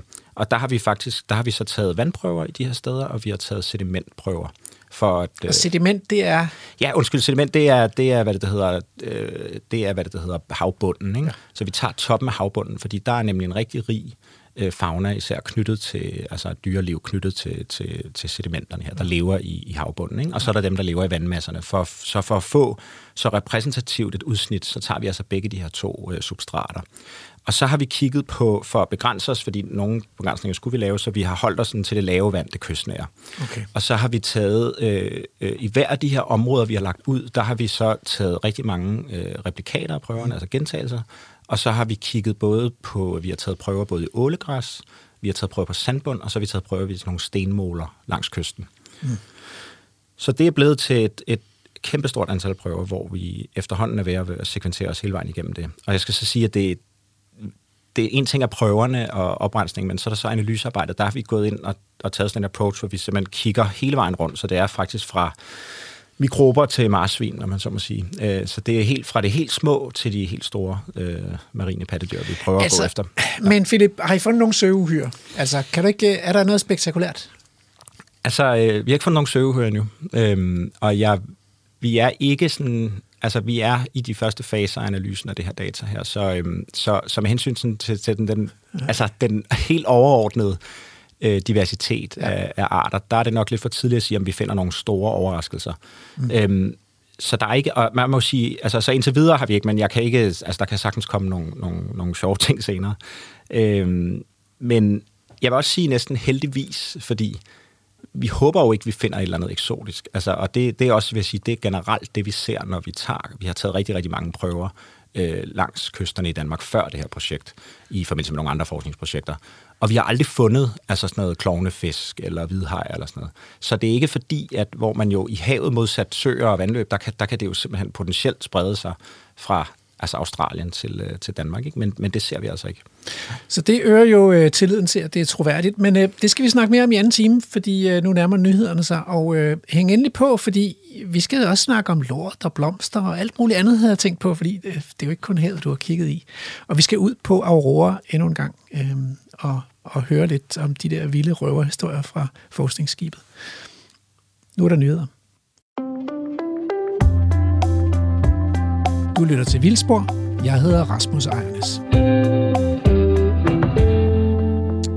Jamen altså, velkommen tilbage til Vildspor, som i dag handler om øh, havet. Og øh, til det bro, der øh, skal vi på reportage på forskningsskibet Aurora, som hører til Aarhus Universitet og ligger inde i Aarhus Havn. Øhm, og det er anden del af reportagen. Og, og så her i studiet, der har jeg besøg af Philip Francis Thompson, lektor ved Aarhus Universitet, og ekspert i øh, DNA-analyser af forskellige øh, indsamlinger af vand og jord og blomster, hvor jeg skal komme efter dig. Øh, og det skal vi snakke meget mere om her i anden time også. Og endelig så skal vi høre lidt om, hvordan Danmark egentlig klarer opgaven med at passe på Østersøens natur. Men først afsted på anden del af reportagen. Det er mig, der er Lærke Sofie Klerup, og lige nu er du på reportage i Vildspor på Radio 4. Jamen, vi er jo stadigvæk øh, på tur her i, øh, i dagens lille program om, øh, om havet, og vi er jo taget på øh, forskningsskibet Aurora sammen med skiberen Torben Wang. Vi har været på broen og fået øh, vist alverdens øh, håndtag og megafoner og skærme og hvordan den del fungerer. Nu er vi gået øh, ned ad en trappe, og øh, hvor er vi endt nu hen, Torben? Ja, vi har skibets messerum. Og det er det her sted, hvor vi øh, spiser. Jeg kan måske lige beskrive det ganske kort. Øh, det er et rum på cirka 40-50 kvadratmeter. Det er et ret stort rum. Øhm, og der er et bord i midten. Der kan sidde 12 mennesker under bordet i meget behagelige stole. Du må gerne prøve den, og så lige synes, se, om du synes, den er behagelig. Men man kan ikke vælge i den, og man kan ikke... Øh, og man kan hvile ryggen i den, den kan vippe lidt på den, øh, ryggen kan give efter, og det er jo den danskproducerede stol. Det tog så lang tid at finde den rigtige stol. Øh, man sidder rigtig godt i den. Så er der et bord mere over i hjørnet med en sofa rundt om, og lidt længere her. Og så har vi en 80-tommer skærm, som er en touchskærm bag, bag mig her, som man kan se alle steder i rummet. Længere ude så har vi en kabys, så har vi et lille dagkøleskab her. Og dagkøleskabet, det bruger man, når man skal sortskaffe. Skaffe, det vil sige at spise på et skib. Sort skaffe, det vil sige, når man spiser uden for måltiderne. Så øhm, har kokken altid stillet lidt frem til sortskaffning. Det kan være, at der er nogen, der arbejder om natten, som lige skal have et par midt om natten. Så sørger han lige for at stille noget frem til dem, øh, så de lige kan tage. Øh, nogle gange bliver det sat ud i arbejdsområderne og ude i laboratorierne, eller også så er de bare der.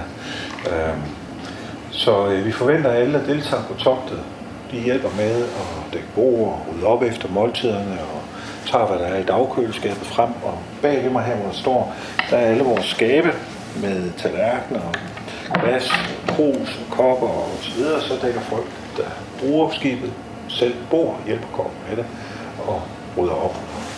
Der skal op. Så det her rum her, det er dels et konferencerum. På skærmen kan vi hente de data, vi måler løbende hen. Det er også øh, underholdning, fodboldkamp, ser ret godt ud på en 80 tommer skærm. Mm. Uh, vi kan også se film her. Uh, vi har noget så sjældent som DVD-afspiller. Yes. Og uh, der har vi selvfølgelig det gode skib Marta på DVD. Uh, og andre underholdningsfilm, som uh, man kan sætte ind, og, og det kan man nogle gange have brug for. Det er bare at opleve noget helt andet. Uh, så det er også vigtigt at kunne se en fodboldkamp, eller se Marta, eller hvad nu vi bliver enige om, uh, for, der foregår så her. Så det er både uh, et spiserum, et opholdsrum, øh, vi har her. Skal vi bevæge os lidt mere udenfor ja. måske i... Øh, vi kan gå i laboratorierne. I laboratorierne, ja. Ja. Vi må også der lige høre lidt om den del, jo. Ja.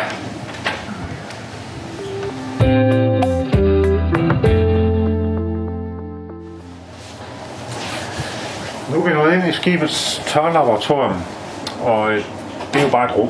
Øh, der står køleskab og fryser til prøver, der er et stinkskab, så man kan arbejde med kemikalier, og der er et kemikalieskab med sin egen udsugning, så vi ikke risikerer at få giftige dampe ind i øh, beboelsen på skibet. Der er en lang række muligheder. Man kan få, man kan, man kan vakuum, man kan lave vakuum herude, man kan lave, der er også lufttryk her, så man kan sætte sine instrumenter til og inden at lave vakuum til sugning og til lufttryk, og man kan have ferskvand og saltvand herinde øh, i, små, i mindre mængder. fordi det, de store mængder, det holder vi altså ude i vådlaboratoriet. Og man kan sætte sine instrumenter op herinde, gøre dem fast til vægge og døre, alt, alt som I kan se nu, bord og hvad det nu er nu, det kan nemt fjernes, øh, og så kan man bygge det op, som det nu passer til opgaven. Da vi designede skibet i sin tid, øh, der fandt vi hurtigt, af, hurtigt ud af, at hvis vi spurgte alle forskerne, hver især om at bruge som skib her, hvad de ville, gerne ville have i et skib, så ville de hurtigt komme med hver deres egen kanon, og så ville resultatet være, at vi byggede en ny vasa. Og for de af jer derunder, der lige slår op, hvad der skete med vaser, så vil I vide, hvad der sker, hvis man kommer med hver sin kanon. Der kommer for mange af dem ombord på et skib. Så vil det ikke kunne virke. Så derfor så lavede vi skibet meget fleksibelt, så vi bygger den simpelthen om fra opgave til opgave. Så det er derfor, I ser de her systemer der er rundt. Det er simpelthen til at ting fast. Alting sidder fast i det. Og de er ret kraftige, så vi kan simpelthen bygge det om ret hurtigt til, hvad nu folk har opgaver. Det samme system er gennemført ude i øh, vådlaboratoriet. Det er derude, man sviner, hvor man får bundprøver ind og mudderprøver, fisk og dyr ind og hvad vi er. Så der må man svine ude. Det kan højtryksrenses, det kan spules, og så når analyserne så skal laves, så kommer det i en tørlap. Der er en luge der i lad i, hvor prøverne kan blive stukket ind, og så blive videre behandlet herinde af laboranterne eller teknikere herinde. Jeg kan I øvrigt også lige se, fordi det opslag, vi har på væggen her, det viser nogle opgaver. Der kan se en opgave i Nordsøen, hvor vi er ude af det her stationer i Nordsøen. Herude fra ind, det tager cirka 12, 14, 16 timer, så det er en ret stor afstand. Mm. Det er kortere, kortere til England herfra, end det er til Danmark. Okay. Øh, det her det er en undersøgelse af fiskelager. Dem hænger vi også op inde i whiteboarden derinde, så den hænger også her. Så har vi stationerne her, hvor vi undersøger, hvordan fiskelager og hvilke fiskelager, der, der dannes forskellige steder, der vi fanger forskellige steder i Kattegat, sammen, samtidig med at vi undersøger Kattegats kemi og fysiske enheder, øh, egenskaber i vandet. Dem havde vi syv af sidste år, de togter, det er forskningstogter. Det her det var en opgave på Miljøstyrelsen. Det hænger lige lidt. Det er fordi, der nok ikke er nogen, der har ryddet op endnu på væggen. øh, men der, det er en måde, man kan følge lidt med i, hvad vi laver. Altså, det er et godt langt togt rundt her. Det er masse stationer. Øhm, så det tager alligevel nok en uges tid at sejle det der. Ja. Det mener jeg, det gjorde. I godt vejr. Mm. Så skal man have lidt dårligt plads til dårligt vejr også. Ja, så man skal altid have lidt buffertid lagt ind, eller ja, hvordan? især på, på Nordsjøen er det her skib altså ikke ret stort. Der kan hurtigt komme nogle bølger, der gør alle folk søsøg. Så. Ja. så har vi jo vådlaboratoriet, øh, det beskriver jeg lige her. Øh, og der har vi jo mulighed for, at det bygget om også, øh, hvis man kigger ned i gulvet i vådlaboratoriet, så sidder der nogle boldhuller, og dem kan man bruge til at gøre udstyr, borer, stole, hvad fanden, undskyld mig, hvad man nu har behov for, fast det sted, man vil have det. Det vil sige, uden de her unistrut system, vi har på væggene, hvor man kan gøre tingene fast på væggene, så kan man også gøre tingene til fast på gulvet, og indrette det til lige nøjagtigt den brug, det har. Så når folk leger skibet, skal bruge skibet, så, skal de, så, så starter det med at indrette det lige til deres brug. Det er selvfølgelig noget, jeg øh, snakker om med brugerne af skibet, hvordan, øh, hvad kunne I tænke jer, og så videre, hvor meget skal jeg skaffe af af vejen, inden I kommer, og så indretter vi skibet den første dag, de kommer, og får det indrettet, og så øver vi os lidt. Øh, så det, vi er sikre på, at vi indretter det rigtigt. Og det samme gør vi på dækket. Ude på dækket, hvor vi har 70 grader mere stor dæk, har kran og spil og alverdens ting og sager, der har vi også det system med de her boldhuller i dækket. Vi kan skrue tingene fast i, gøre tingene fast. Så der bliver det også indrettet. Folk får simpelthen kort over dækket, tørlaboratoriet, og så kan de simpelthen selv indrette dækket på en computer, finde ud af, hvad de vil have med, og hvad de vil have, og hvor det skal fastgøres. Og så gør vi det, når vi, når vi skal starte på et tog. Mm. Så det bliver vi simpelthen nødt til. Så frem for at have et skib, der altid kunne gøre alting, så har vi et skib, der ingenting kan gøre, når det er tomt, bortset fra at sejle, og så kan vi indrette det fra top til top. Og det viser sig at være meget effektivt. Det er hurtigt at gøre skibet klar til opgaverne, og det er hurtigt at rydde op efter os. Ja. Er der et særligt forskningsprojekt, som, øh, som sådan står klarere frem i hukommelsen, når du sådan tænker tilbage over de sidste mange år, hvor, hvor skibet har været i brug? Altså er der et eller andet, som du tænker, dengang det var godt nok vildt, eller det var mærkeligt, eller ja. det var sjovt? Det sjove er, at det, der skaber vores historie, er ikke nødvendigvis det, vi laver, men det er den stemning, der er omkring det, vi laver. Mm. Så når jeg husker tilbage på det, så husker jeg tilbage på de mennesker, der var med, og den stemning, de var med til at skabe omkring deres arbejde. Og der er bare nogen, der har den der entusiasme. Der er nogen, der har nogen, øh, der bare er, øh, der bare har hele pakken. Der er nogle forskere, vi har en ser en, hvis jeg skal fremhæve en, så er det jo professor Bobak og Hans Røg, øh, som arbejder med mikrobiologi, som altid skaber en god stemning omkring sig, som de laver noget, der er dybt kompliceret, laver boringer og kigger på bakterier, der lever langt ned i havbunden, og noget kemi, som de færreste forstår, så er de med til at skabe nogle gode togter. Men jeg vil også sige, at vores kolleger, som arbejder med valgforskning i Silkeborg, undskyld, undskyld mig, i Roskilde, de også altid laver en god stemning ombord. Det er nogle seje piger og fyre, som, øh, som er med til bare at, og, øh, at lave nogle gode togter. Det er svært for mig at, at sige nogen, udpege nogen med navn, fordi vi har simpelthen så mange gode togter. Mm. Men igen, det er husker. Det er stemningerne. Ikke kun, hvad vi laver. Jeg er jo så heldig, at jeg fra tid til anden får lov til at lave min egen forskning ombord. Det får lov, det vil sige, at jeg ansøger de samme fonde som alle mulige andre og får penge til at hyre skibet øh, sammen med nogle kolleger. Og så laver vi den forskning, jeg interesserer mig for, det er havforskning omkring strømninger. Og øh, det er selvfølgelig også nogle spændende togter for mig at være med på. Øh, jeg er så stadigvæk med som skipper, så jeg forsker ikke så aktivt, men, men jeg ser alle data med hele processen og med til planlægningen, og, og det er også altid nogle gode for, uh, togter, som Morten Holtegård og Lars Lund, som jeg har været med til at lave. Øh, men igen, det er relationerne, det er mm. menneskene, hvordan de agerer. Øh, vi har oplevet, vi har nogle typer ombord, som er svære at samarbejde med, og som ikke er gode til at skabe god stemning. Og som er måske bliver lidt sure og tvære, og, og, og det skaber lidt dårlig stemning, og, og det, så bliver det nemt lidt surt. Mm. Men så er der andre, der kan skabe sol på en regnværsdag, fordi det bare er den personlighed. Og det er som alle andre steder, tror jeg, alle andre arbejdspladser. Så bortset fra den her arbejdsplads, den kan være voldsom, og den kan være farlig, og det hele det kan vælte rundt, så er der bare nogen, der er i stand til at blive ved med at have det sjovt og have det godt, og med til at sprede det.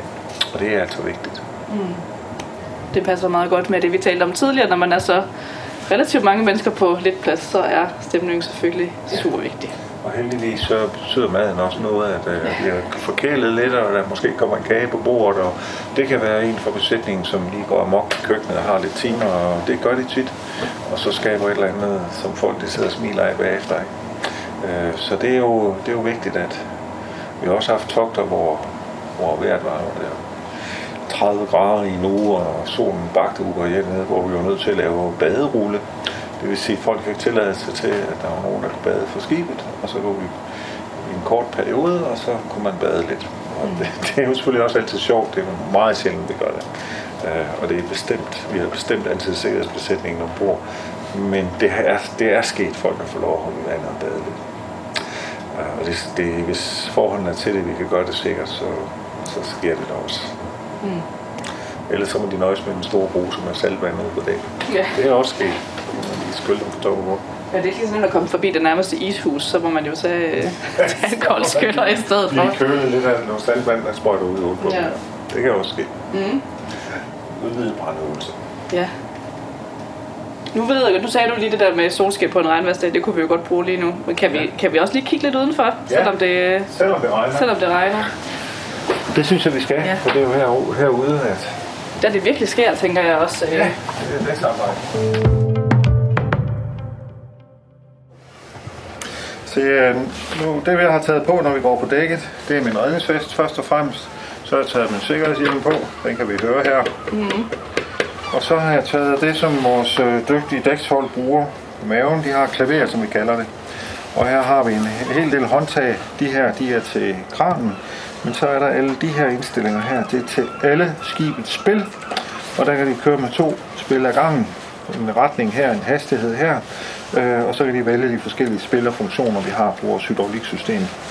Øhm, og det er som sagt krav. Så, så den her har man med ud, hvad enten man skal tage en rundprøve, eller man skal køre noget ind og ud og sætte på dækket med vores A-frame, så er det den her, man bruger. Vi har selvfølgelig to enheder, hvis den ene tur i stykker. Øh, vi har faktisk tre. Så, øh, så, øh, så tager man klaveret med sig ud, og så er man klar til at stå her. Så anden sikkerhedsudstyr, vi kan finde på at bruge, det er solbriller, Øh, man skal, når man lige kigger ud, der kan være meget kraftig lys, der kan være meget kraftige refleksioner fra havoverfladen. Hvis man så samtidig med skal styre en kran eller et eller andet, jamen så skal man have solbriller på. Så solbriller er sikkerhedsudstyr her, ligesom klare briller er det, hvis der er noget, der giver spåner eller risiko for noget i hænd- øh, hænderne, plus arbejdshandsker, plus sikkerhedssko, plus hvad nu, der kan være relevant for det. Og det ved vi jo fra opgave til opgave, hvad man skal have på, og hvad man skal have med ud. Så givet dette, så kan vi lige gå ud og kigge lidt. Og alle andre gæster har selvfølgelig også hjelm på, redningsvest, som jeg har. Ja.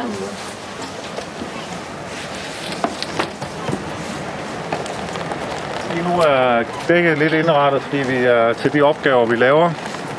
Der står store arbejdsbord sat fast i dækket. Et af dem er boldet i dækket. Øh, Vi kan se landgangen. Vi kan se et lille arbejdsbord der, hvor, som er boldet i med fire bolde. Det er der, vi stikker, noget- kan sætte noget prøvetagningsudstyr og tage prøver fra det. Øh, Vi kan også se, at der står et lille spil her til at bjerge bøjer med. Og så er der en lille indhegning, det er til at sætte prøver i. Så står der et multinet, den vejer ca. 300 kg, og vi kan sætte 9 net på. Så er en CCD på den noget elektronik. Den kan vi slæbe efter os, øh, og så tage, øh, og så tage prøver af plankton og altså mikroskopisk liv i vandet. Makroskopisk også, det kan også være fiskelarver og den slags ting. Så står der et bur. Det er et dykkerbur, øh, vi bruger, når vi sætter øh, dykker i vandet. Eller vi bruger, når vi skal og smøre noget, der er lidt højt, vi ikke kan nå. Så er der en haps, og det er bare, hvad der er lige her nu. Så er der noget, en deflektor og en bøje, den skal vi bruge til undervisning af ingeniør studerende næste uge på mandag, så den er bare på bord. Så øh, lige nu, det er sådan, som der står her, men der er cirka 70 kvadratmeter at gøre godt med, og masser af steder at gøre tingene øh, godt og svarligt fast her på dækket. Ja. Vi har en stor A-frame, der er 5 meter høj, og kan køre ind og ud, og som kan tage temmelig tung last og sætte vandet fra. Mm. Foruden en kran, som kan blive 12,6 meter lang. Øhm, og den bruger vi til prøvetagning med let udstyr. Op til cirka 2 tons kan vi løfte med den. Lidt afhængig af, hvor langt vi er. Ja, Ja, det, det er jo øh, det er en arbejdsplads. det er en arbejdsplads. Og jeg kom lige til at tænke på, fordi da jeg startede på biologistudiet for mange år siden efterhånden, så var jeg med ude at sejle. Med genetika. Begge, ja, det var jeg nemlig. Var du med ude sammen med mig? Det tror jeg faktisk, jeg var. Ja, det kunne du sagtens have Det været. tænker jeg næsten. Men det var nemlig ikke Aurora. Men der sådan lidt, det der med sådan at have studerende, når man bor på sådan en Ja. færge her, eller ikke en færge, en sådan en skib her. Ja. Er det fedt nok, eller Ja, ja, okay. Øhm, går vi de i ved- vejen og ødelægger ting? Jo, jo, jo, jo. Men vi har nogle togter, vi kalder, vi kører med, hvor vi underviser i ind- invertebrater herude. Og det, øh, det har vi gjort i mange år. Øh, Det har stor effekt for studiefastholdelse. Folk kommer ind og starter på universitetet, og så skal de lære en masse matematik, fysik, kemi og øh, en masse andre støttefag, og det er borer det går den, det borer den, og det er jo ikke lige det, det de havde drømt om, øh, deres studietid skulle gå med. Øh, Men så har vi efter cirka et år, hvor de kommer ud, cirka to timer og sejler, alle biologistuderende, hvor de får noget undervisning i indværtsbrætter, men de kommer samtidig med ud, og vi snakker om, forhåbentlig, hvis du husker ret, om alt muligt andet, også en indværtsbrætter, om studiekultur, om at hjælpe hinanden i studiet osv. osv. Øhm, og det har vi gjort i mange år, og det er nogle ture, som ja, vi får så god feedback på, fordi det er lige et frisk pus. Nå ja, det var jo derfor, jeg ville læse biologi, eller geologi, eller geofysik. Det, var, det er jo pisse sjovt at være ude og skabe nogle data og se, hvad der lever, og hvordan det nu fungerer, og hvordan fysikken er, eller kemien er, eller hvad det nu er, i praksis. Øh, for lige at fastholde folk i studiet lidt længere, end de opgiver lidt for tidligt. Også at få skabt nogle relationer, og så får de jo en dækning herude, hvor de har mange lærere per studerende, eller lidt færre studerende per lærer, og hvor man kan stille nogle spørgsmål og få noget af- afklaret, som man normalt ikke har tid til at være der. Mm. Så det betyder rigtig meget. Og vi kan se det på mange af de kurser, som, eller mange af de stu- studier, øh, linjer og fag, som bruger feltkurser i deres undervisning. De har som regel større succes. Mm. Det betyder meget at komme lige komme ud. Større gennemførelsesprocenter og, øh, og som regel i hvert fald flere tilmeldte til, til kurserne. Ja. Så det betyder noget. Mm. Så det skal vi ikke glemme. Nej. Vi skal ikke glemme, at vi skal give folk en lille indtryk af, hvad det rigtige liv også er. Komme lidt ud og opleve noget. Så derfor fastholder vi de kurser. Mm. Det er klogt set universitetet at, at gøre det.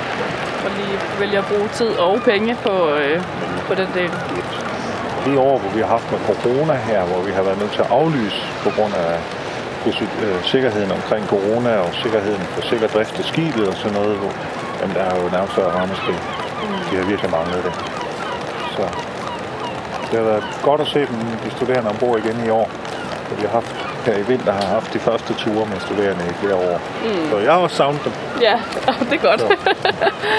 det er godt, de det har... Det eneste, der fascinerer mig nu om dagen, det er, at de studerende er begyndt at være født i et andet årtusind end mig. Og det er ja. selvfølgelig øh, ikke så godt. det kan jeg sagtens følge dig i.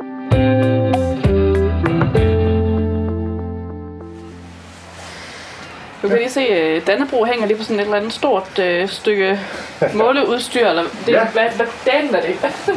Siden du var med ude at sejle, der må du da kunne huske det. Hvad hedder? Kan du huske den? Nej, det kan jeg ikke. Jeg har vist den på den en gang. Det har du garanteret. Det her, det er vores flag, og det hænger til tørre herinde, fordi det er bare lidt det her det er. Så det, vi, har, vi sejler selvfølgelig altid under stolte Dannebro. Det er vi jo glade for, at vi får lov at sejle med i masten. Øh, det her det er en CTD, hedder den. Der er en, en det er faktisk titanium øh, rør med masse sensorer på. Og med den her, der kan vi måle øh, vandets ildhenhold, hvor meget salt der er i vandet, hvor meget temperatur, temperaturen er på måde, hvor mange alger der er, hvor meget organisk stof der er i vandet, hvor meget lys der er dernede. Ja, den lys. Der.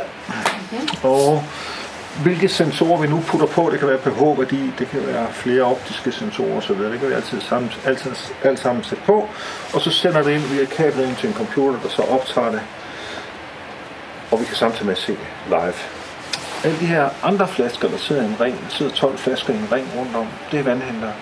I bund og grund er vi et rør. Nu åbner vi røret her, og når så vi er på en, så når vi sænker den ned i vandet, så passerer vandet igennem den her og hvis vi så finder ud af, at der vil vi gerne have en vandprøve, så lukker den, hmm. og så får vi en halv meter vand med op, cirka 5 liter. Vi har den forskellige størrelser. Det største vi har er de 30 liters, er sådan så høj her. Den her.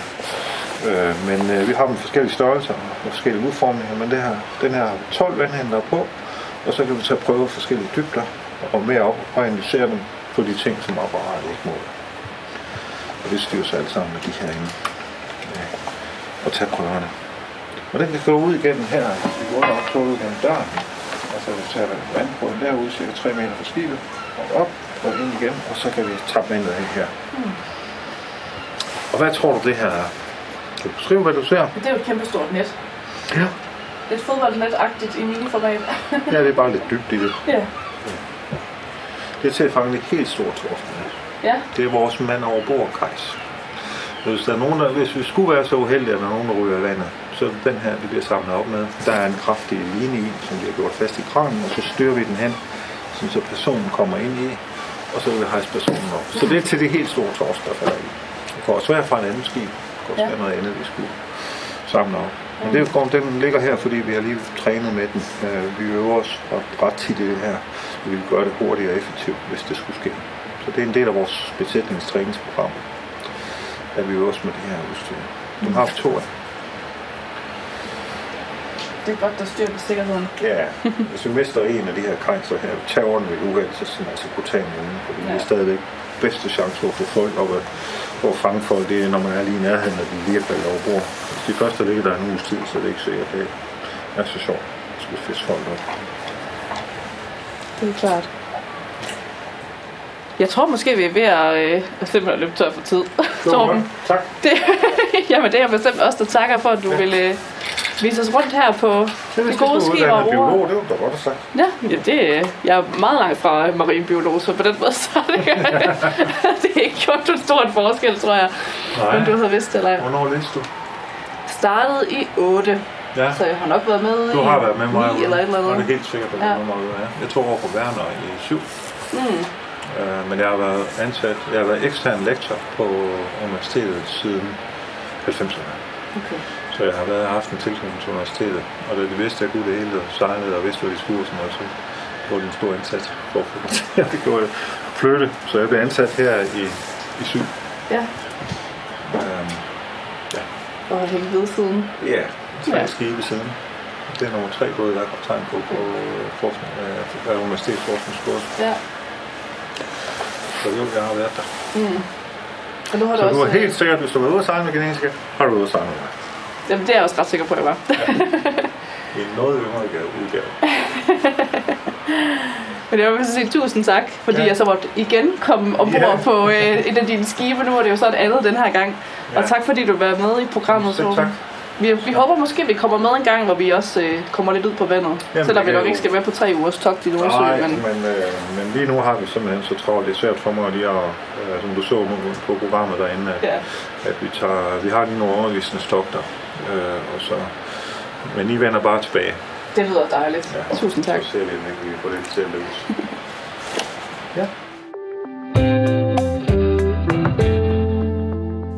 Så er vi tilbage i studiet her, hvor øh, jeg har besøg af lektor ved Aarhus Universitet, Philip Francis Thompson.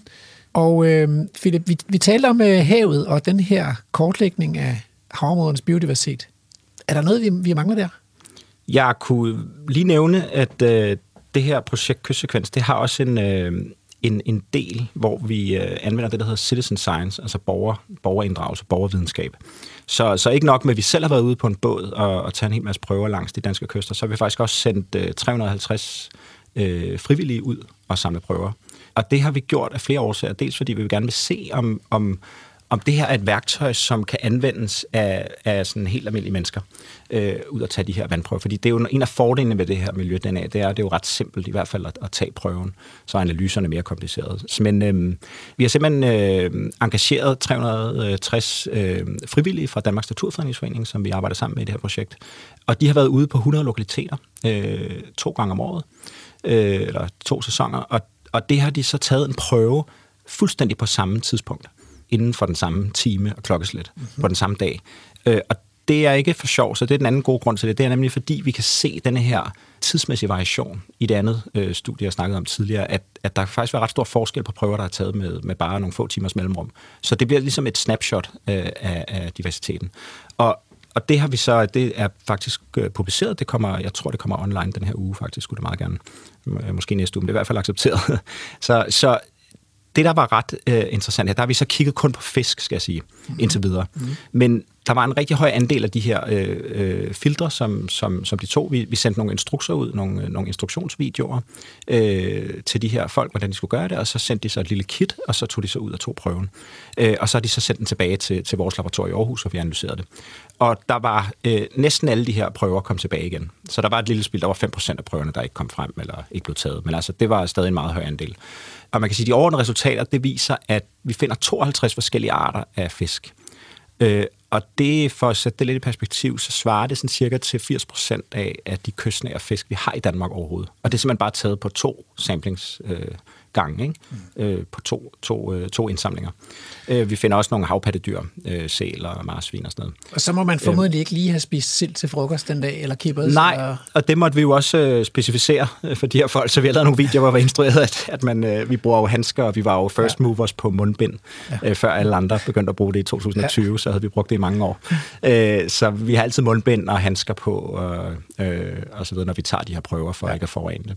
Så det havde vi selvfølgelig også øh, fortalt de her. Så det var en succes faktisk? Det, det vil jeg faktisk sige, det var en ret stor succes, og det er klart, nogle af de her prøver, det er ikke sådan, at man så på den enkelte lokalitet kan sige, så finder vi alle de fisk, der er.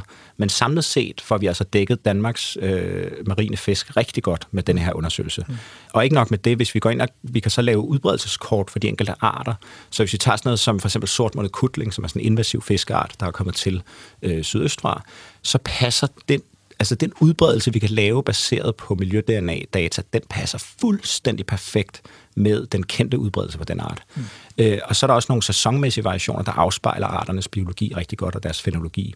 Øh, sådan noget som hornfisk og stenbider, de forekommer om foråret, øh, meget mere talrigt om efteråret. Det passer også med, med arternes biologi. Mm.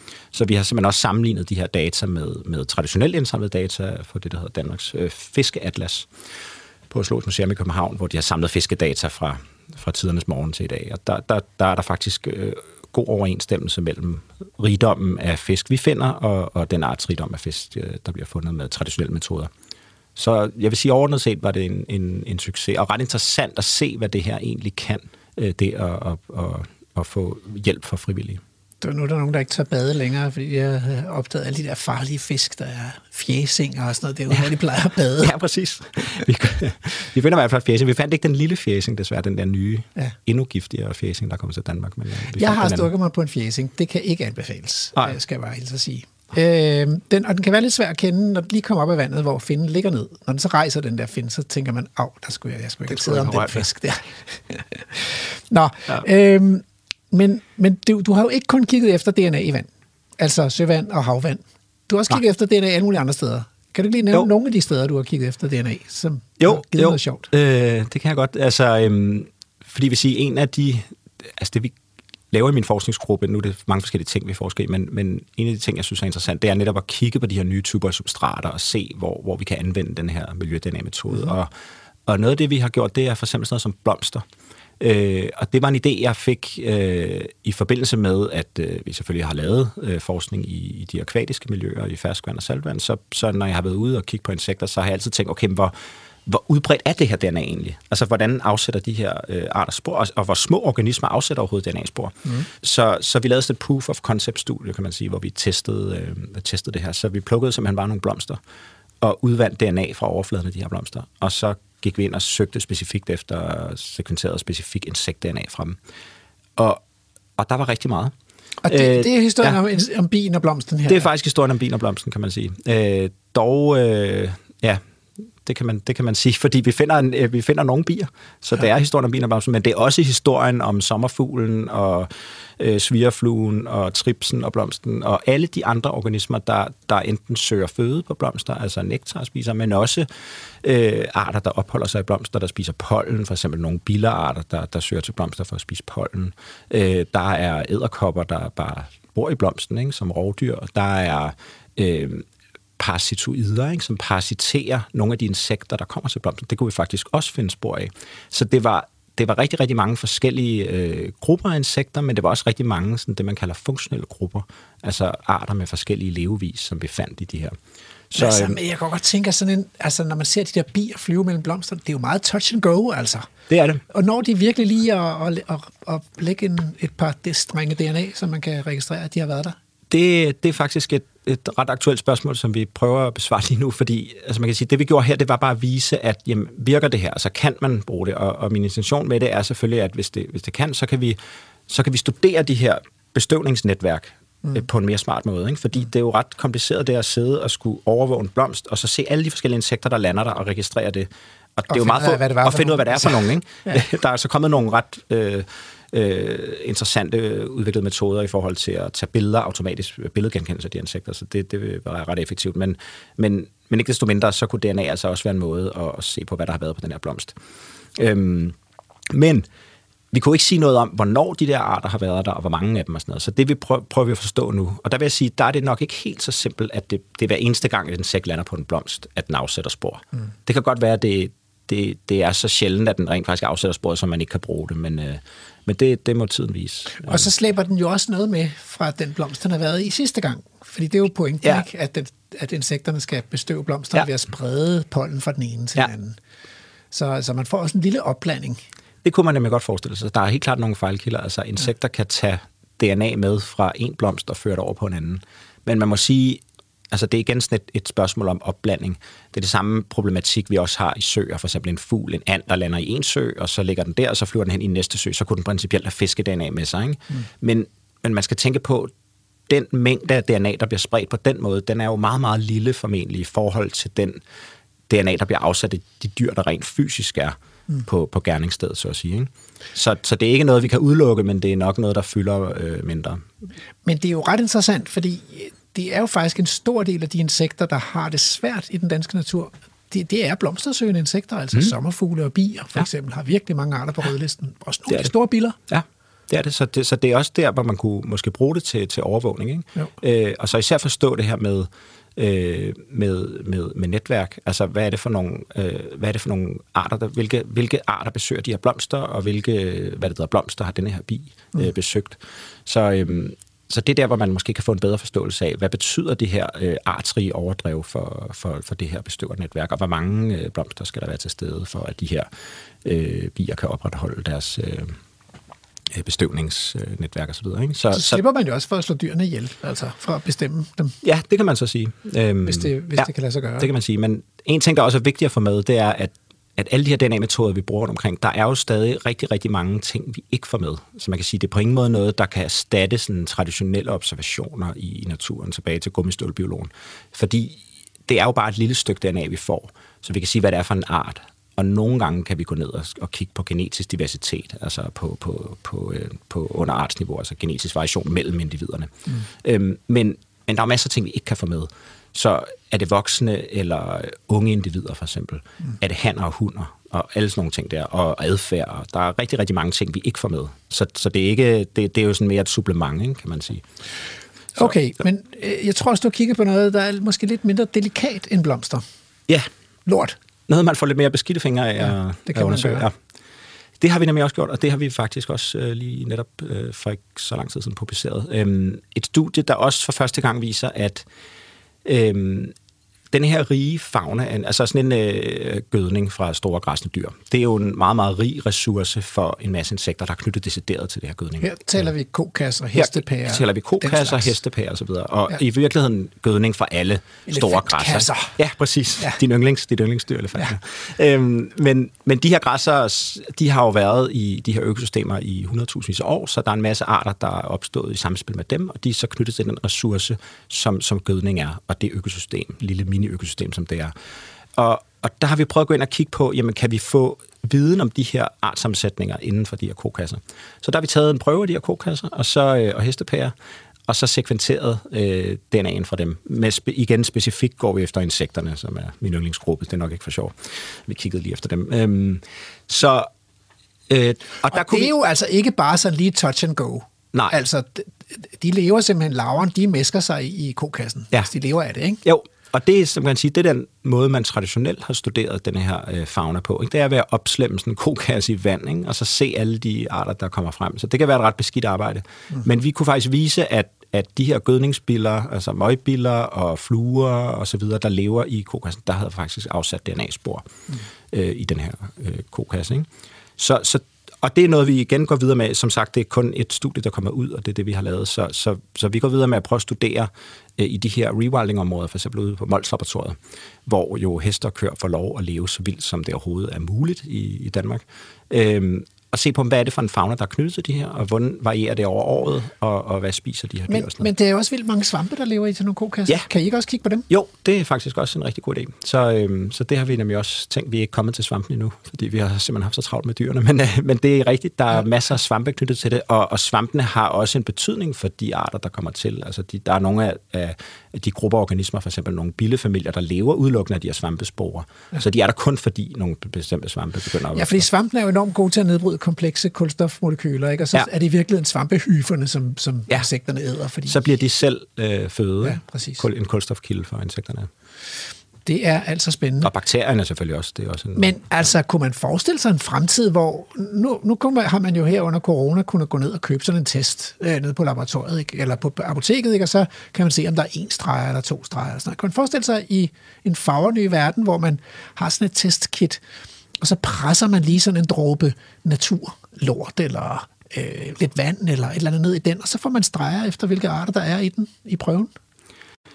Det er helt klart noget, som rigtig mange mennesker har forestillet sig, og det er noget, der er snakket om længe. Øh, så jeg er ikke i tvivl om, at det kommer på et tidspunkt, men det er nok ikke lige i morgen. Men jeg vil sige, der er faktisk lavet en teknologi, øh, sekventeringsteknologi, som man kalder nanopore-teknologi, øh, hvor man faktisk kan på stedet lave real-time sekventering af DNA fra en prøve. Så, og, og den sekventeringsmaskine, den fylder altså ikke mere end en, en stor USB-nøgle. Øh, så det er vildt fascinerende, altså. Ja. Øh, og vi har også testet det. Det, der er lidt af udfordringen med det, det er, at der er stadig en ret høj fejlrate, den her jeg snakkede om tidligere, den mm. fejlrate der. Den er faktisk ret høj, og det bliver bedre og bedre. Mm. Øhm, øh, og så er der nogle ja, der, den giver ikke så højt output som de andre sekventeringsteknologier, men ikke desto mindre, så er det jo nok kun et spørgsmål om tid, hvornår den her metode bliver så forfinet, at man, at man faktisk kan bruge den. Og det er også til at betale, vil jeg sige, for, for almindelige mennesker. Men men der er stadig bare nogle ret store fordele ved at processere de her miljøprøver i et laboratorium, som er rent, som vi for eksempel har i ja, min og mange andre forskningsgrupper, hvor vi gør rigtig meget ud af at, at gøre fuldstændig hovedren med, øh, mm. med diverse kemikalier hele tiden, for at nedbryde det DNA, der er. Fordi der er jo DNA overalt, mm. så, så man får simpelthen forurenet sin prøve ret nemt. Øhm, men man kan sige, teknologien er, er der, øh, og det er nok kun et spørgsmål om tid, hvornår vi kan lave øh, artsbestemmelse ude i felten. Det er så spændende. Ja. Hvad er din fremtidsdrøm som DNA-forsker? Hvad vil du, altså, hvad skal du... Oh, der er mange. Jeg kan ikke tale om gennembrud. Du har haft mange gennembrud allerede, men er der et eller andet, du sådan brænder efter? Det kunne fandme være sjovt. Eller vil du ikke afsløre det? Jo, det vil jeg gerne. Altså, det, der er bare så mange, så, så jeg ved ikke, hvor jeg skal... Men altså, man kan sige, sådan forskningsmæssigt, det vil sige, nogle af de steder, hvor den her metode giver rigtig god mening, det er det der med at kunne studere alle grupper af organismer fra samme prøve. Altså det er ret unikt, vil jeg sige. Mm. Fordi normalt der har man jo en ekspert ude til at kigge efter fisk, og så er der en, der kigger efter krebsdyr, og så er der en, der kigger efter... Og så er budgettet brugt. Og så er det brugt, Ja, så, så er der heller ikke nogen... Ja, de er desværre i, i, i, i hvad det hedder, restordre, de der ja. biologer, der kan det der. Ja, desværre, desværre, ikke? fordi vi har virkelig brug for ja. dem også i vores forskning, vil jeg sige. Ja. Øhm, og jeg gør selv meget ud af det, men, men man kan sige, det er der, hvor metoden har en styrke. Så hvis vi kan få en, en, en, en bestemmelse af rigtig, rigtig mange forskellige organismegrupper på én gang, uden at nødvendigvis at vide meget om, om, om taksonomien, altså vide noget om, hvad for nogle arter, der findes, og, og familier og sådan noget.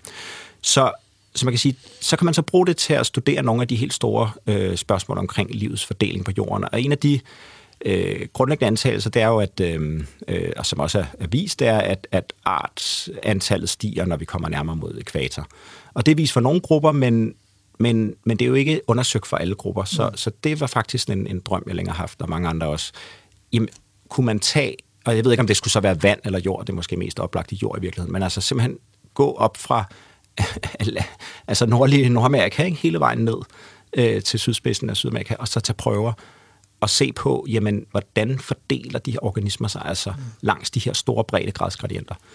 Det, det kunne være mega interessant. Der tror jeg, vi kunne gøre nogle opdagelser i forhold til livets fordeling på jorden.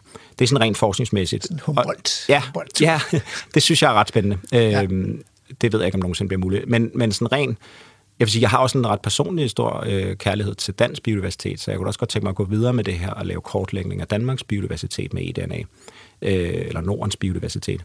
Øh, og så vil jeg sige, altså det er det forskningsmæssige, øh, og jeg har mange andre øh, projekter, jeg har gang i nu og, og senere, men noget jeg vil sige, jeg også øh, efterhånden sætter ret stor pris på med det her, det er den anvendelse, det har, det har fået at der er startups, øh, virksomheder rundt omkring i hele verden, der popper op og, og bruger den her metode her, som, som vi selv var med til at udvikle, var nogle af de forskere, der var med til at udvikle. Øh, og det, det synes jeg faktisk er ret fedt, det der med, at jamen, tingene bliver rent faktisk brugt, fordi forskning kan godt nogle gange have nogle virkelig, virkelig lange udsigter. Mm. Og der går lang tid fra, man får ideen, til man udfører det, til man ser resultaterne. Hvor det, at vi altså de her metoder rent faktisk bliver brugt til at kortlægge øh, noget natur, og så bliver der måske taget nogle beslutninger ret hurtigt. Øhm, så, så det vil sige, det sætter jeg faktisk også øh, ret stor pris på. Men, øhm. men altså, jeg, jeg synes, der er et lille problem her, fordi, som du siger, vi har beskrevet en lille del af jordens biodiversitet. Men ja. den store del, problemet er jo, at den har vi jo ikke nogen referencer på. Der er ikke nogen, der har set arterne, og, der, og arterne har ikke fået et navn. Ja. Hvad fanden skal vi stille op med alle de arter? Det er jo ikke så sjovt med arter, der ikke har et navn. Nej. Og det er jo der, altså man kan sige, det er et kæmpe problem, og det er også et, et stort, øh, en stor udfordring i de her øh, DNA-sekventering. Det er jo databaserne. Altså, det er referencebibliotek, men så mm. når man har alle sine sekvenser, så, så, øh, så øh, sammenligner man det med, med referencemateriale, der er. Og, og der kan man jo ikke få noget bedre end det, der, det, der er i referencedatabasen. Og, og de arter, der ikke er beskrevet nu, de har jo af gode grunde heller ikke deres, øh, deres gener kortlagt. Rundorm nummer 3244. Ja, så det bliver sådan nogle øh, kedelige artsnavne, så man kan sige, man kan sagtens lave nogle økologiske øh, hvad det, der hedder, tolkninger af data. Altså man kan sige, der er så så mange arter, uden at sætte navn på, men ja. det er, jeg vil sige, det, det er jo en ret stor prioritet, hvis jeg kunne bestemme at, at få beskrevet noget af den her diversitet, ja. og få kurateret det ordentligt, og få, og få lavet referencemateriale. Men, men, men, men langt før det er det jo bare at studere de her arter, deres biologi, og hvordan de lever, og, og deres økologi, og alle de sindssygt spændende historier, der er knyttet til, til al den diversitet. Så, men det, så vi er slet ikke engang der endnu, mm. så man kan sige, fra at vi er slet ikke i nærheden af at forfylde de her øh, referencedatabaser. Så op. du vil godt kunne sige, at det her det er en rundorm? Ja. Du vil være på spand med, hvad ja. det er for en rundorm. Ja, så hvis... Du kunne måske også sige noget om, at det er en meget almindelig rundorm, og vidt udbredt rundorm, hvis du har prøver nok, ikke? Jo, så man kunne lave nogle, altså det er også det, man kunne med det her store projekt, hvis man tog prøver langs de gradienterne, så kunne man jo også lave nogle estimater af, hvor stor er diversiteten inden for det her. Så kan man sammenligne, det er også noget af det, vi vil gøre med, med, det, med det danske havområde. Se på, jamen, altså vi finder så så mange arter af muslinger for eksempel, og så så mange øh, arter i gåsøjnen, kan man så sige, ikke? fordi vi ved ikke, om det er arter, men det er i hvert fald variation af, af DNA. Hvordan passer det med, hvad vi rent faktisk ved, vi har? Og når man så går ud på, på verdensplaner i troberne og sådan noget, så kunne man jo godt lave nogle estimater af biodiversiteten ud fra, fra miljø-DNA. Philip Francis Thompson, tak fordi du kom ind i studiet og efterlod lidt af dit DNA herinde hos os, øh, sammen med øh, noget af din viden. Tusind tak. Det var så let. Og held og lykke med din forskning. Tak skal du have, Rasmus. Du lytter til Radio 4. Ja, og så er det tid til noget... Øh, ja, det er jo ikke tid til noget helt andet. Mm, det er jo nemlig, jeg har nemlig så nemlig et tweet fra øh, Thomas Kirk Sørensen øh, om en ny verdensnaturfonds rapport om naturforvaltningen af Østersøen. Så jeg tænker, det skulle jeg lige, det lyder lidt interessant. Så nu, nu handler programmet i dag jo om, øh, om havet. Så, så derfor så har jeg ringet til Thomas Kirk Sørensen. Er du med her? Ja, det kan du tro. Øh, velkommen til programmet. Vi har brugt dig et par gange før som, øh, som øh, havekspert øh, i Verdensnaturfonden, og øh, du har været med til at lave den her øh, rapport, eller i hvert fald komme med input til den. Ja, det har jeg. Vi, vi er jo øh, en række kontorer i, i øh, Østersø-området. Og i de områder, hvor vi ikke har WWF'er, så har vi nogle samarbejdskontorer i Estland og, og andre steder. Og vi har arbejdet sammen om at lave den her rapport sammen med en konsulent. Men kan du ikke lige sige så, øh, hvad er det for en rapport, og hvad handler den om? Det er en rapport, som i bund og grund handler om havplaner. Øh, og, og havplaner, øh, ja, hvor skal vi begynde? Fordi havplaner er faktisk alting. Det er ikke kun naturen, det er, det er også alle de ting, vi laver ude, og hvordan vi udnytter øh, vores arealer og vores ressourcer. Og så handler det om at, have, at, at, at få det hele til at gå op i, et, i en enhed, hvor det ikke går ud over havets evne til at levere økosystemtjenester og til at og, og vi når vores miljømål. Altså vi simpelthen får en god miljøtilstand. Er det sådan en slags fysisk planlægning på havet, sådan en havplan, eller hvordan skal det forstås? Ja, det er det lige præcis. Det er det lige præcis. Øhm, og, hvem, og, og, og hvem laver den? Jamen i Danmark er det Søfartsstyrelsen, men, okay. men, de, men de får selvfølgelig hjælp og, og input og samarbejde med alle de øvrige øh, sektorer, som har med, med, med havet at gøre. Så det er den danske stat, der sådan set står for, for den der? Det, det er Erhvervsministeriet. Ja. Det er Simon Koldrups ansvarsområde, det her, ja. Men Østersøen er jo, er jo delt. Hvor, hvor mange lande er vi om at dele Østersøen? Uh, hvad er vi? 10 lande? Ja. Øh, altså, vi, vi har jo Rusland, som vi jo af god grund ikke altid... Øh, vi har faktisk samarbejde med Rusland, bare ikke, ikke, lige, øh, ikke lige omkring øh, den her. Der har de ikke været med. Mm men vi har et, øh, et samarbejdskontor i, i, i Rusland. Mm. Men, øh, men vi samarbejder med, øh, med, med alle de øvrige lande, særligt dem, der er EU, fordi vi jo lidt følger det samme. Øh, vi har jo altså krav om at lave de samme, øh, opnå samme miljømål, fordi det er EU. Og der har vi jo øh, otte EU-lande, og så har vi ni havplaner for de Åland, som, som er en lidt selvstændig øh, territorie under Finland. At de har øh, også lavet deres egen havplan. Mm. Så vi har i alt ni havplaner. Mm. Og dem, dem har vi så kigget på øh, med fire, vi har analyseret dem på baggrund af fire forskellige kategorier. Og de fire kategorier, de indeholder øh, 33 øh, indikatorer i alt. Og de kategorier, øh, nu skal jeg se, om jeg kan huske dem på stående fod. Der er en kategori omkring øh, hensyn til øh, biodiversitet og miljømål, kunne man kalde det. Mm. Inclusion of nature. Så det er ikke kun naturbeskyttelse. Det er ikke mhm. kun, hvor mange procent man har beskyttet. Så er der en omkring socioøkonomiske faktorer. Og så er der en omkring uh, good ocean governance. Uh, og så er der noget omkring comprehensiveness of the complete MSP process. Og det er lidt, lidt uh, tørt, men samlet set så giver det et billede af, uh, hvordan de forskellige lande uh, løfter opgaven eller har løftet opgaven med at opnå det, man har kalder en økosystembaseret havplan. Og så er det jo selvfølgelig, at øh, vi er meget interesserede her på Vildsborg i at høre, hvordan, hvordan klarer Danmark så opgaven, og måske især den der del af opgaven, der, der handler om at passe på havets natur og biodiversitet? Jamen, det, det er jo så lidt der, hvor Danmark bonger, bonger ret hårdt ud øh, negativt øh, i forhold til de, de øvrige lande. Ja, men, men ærligt talt, vi har jo sagt det ret meget fra starten, det her. Øhm, at det, at det var der, vi var på, vej hen, og vi har også nævnt det også efterfølgende, når vi så havplanen og den miljøvurdering af havplanen, som også var i høring. At, at Danmark har jo ikke grebet det her øh, godt nok an. Altså man har, man har bygget en havplan af duplo-klodser, hvor man skulle have brugt Lego Technics. Og, og øh, man har ikke investeret i de analyser og, og bygget de værktøjer, der skulle til for eksempelvis at, at lave en, en vurdering af, øh, jeg lige spoler tilbage, altså du får ikke et dårligt havmiljø af at bygge en havmiljøpark, eller travle med en bundtravler et sted. Det er jo det samlede pres. Det er det samme ligesom kumulativ, kollektiv slid på naturen, mm. som bringer os til den miljøtilstand, vi har derude. Mm. Og det findes der altså værktøjer, som man kan bruge til at vurdere. Den plan, vi har for øje her, er, sør, er den inden for, hvad, hvad havet kan bære, mm. eller, eller overskrider den. Og det kan være på en række parametre. Det kan være på biodiversitet, på fisk, undervandsstøj, eller hvad det skulle være. Ikke? Mm. Den analyse har Danmark lavet altså nærmest på øjemål.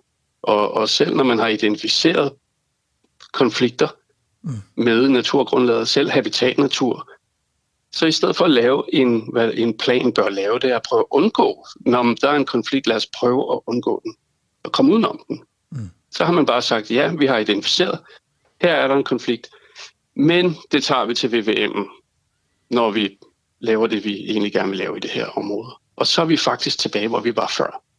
Så er det jo ikke en... en altså, hvad, hvad skal man så bruge den havplan til? Så det, du siger, det er, at man i virkeligheden bare har undladt at planlægge, og så har man udskudt øh, pinen til, øh, til, til man møder konflikterne? Man har, man har reserveret en masse arealer øh, til nogle ønsker, øh, og, og så synes jeg ikke, eller vi ikke, at man har investeret i at lave det grundarbejde til ligesom at vise, at den plan, man har lavet, den faktisk øh, nok skal sørge for, at, at vi har øh, økosystemtjenester og, mm. og en rig havnatur og en god miljøtilstand i, i fremtiden. Så det lyder som om, at øh, kritikken går meget på, at det, at det ikke sådan holder et professionelt niveau, eller hvad man nu skal sige. Men, men er der også nogle steder, hvor, hvor man bare ikke har taget hensyn nok til naturen, eller planlagt nok for naturen, eller er det, er det to sider af samme sag? det er lidt to sider sammen. Altså, det, altså, der har tydeligvis ikke været investeret nok i den her. Mm. Altså, når vi ser på vores naboer over i Sverige, mm. hvad de ikke har udviklet af redskaber, de har sågar lavet klimarefugier og altså sådan nogle steder, hvor særligt klimarobuste bestande af forskellige naturtyper og arter mm. øh, findes, så man kan beskytte dem endnu, altså bedre end alle de andre. Og, mm. altså, de har virkelig grebet opgaven altså virkelig øh, alvorligt. Mm. Så, så altså, det, der når vi altså ikke rigtig Sverige til sokkerholderen. Og Sverige bonger også rigtig flot ud i analysen på mange, altså de fleste parametre. Ved du hvad, øh, det, bliver, øh, det bliver sidste ord herfra, og det er jo lidt kedeligt. Vi har jo lige for nylig haft et program om havvindmøller også, eller om vindmøller, og, og kan forstå, at der er faktisk brug for fysisk planlægning, også på havet. Så øh, det lyder som om, at øh, der er brug for en, øh, en opstramning i Danmark på den fysiske planlægning. Øh, men øh, vi når ikke mere, så øh, tusind tak, fordi du vil være med i dag og gøre os klogere på den danske havplan. Selv tak.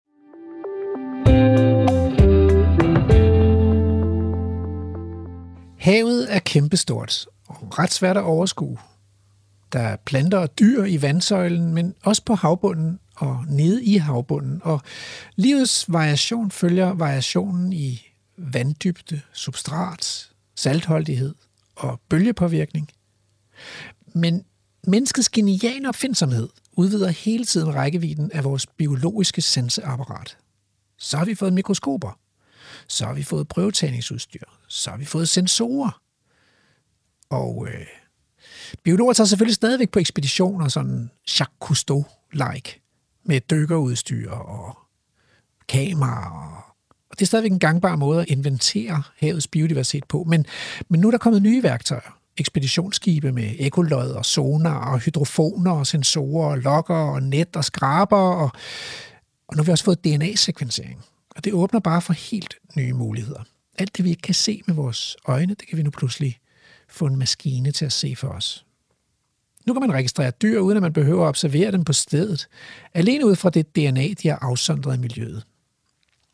Tak til skipper Torben Wang for at vise os rundt på AU's forskningsskib Aurora. Tak til lektor Bo Tamdrup fra Syddansk Universitet for at fortælle om sin forskning fra skibet. Tak også til Philip Francis Thompson for at komme her ind i studiet og indvige Vildsborgs lyttere i sin forskning ved hjælp af DNA-spor i miljøet. Tak også til producerne, Sejer Villersen, Christian Kruse og Emma Holtet, som har holdt programmet flydende i dag. Tak også til Thomas Kirk Sørensen, som kunne fortælle os om en ny Verdensnaturfonds-rapport om forvaltningen af Østersøen. Og på den måde så kom vi frem til denne uges haiku. Et snapseglas vand. Skål for livets stregkoder, valer og plankton. Programmet er produceret af Videnslyd for Radio 4.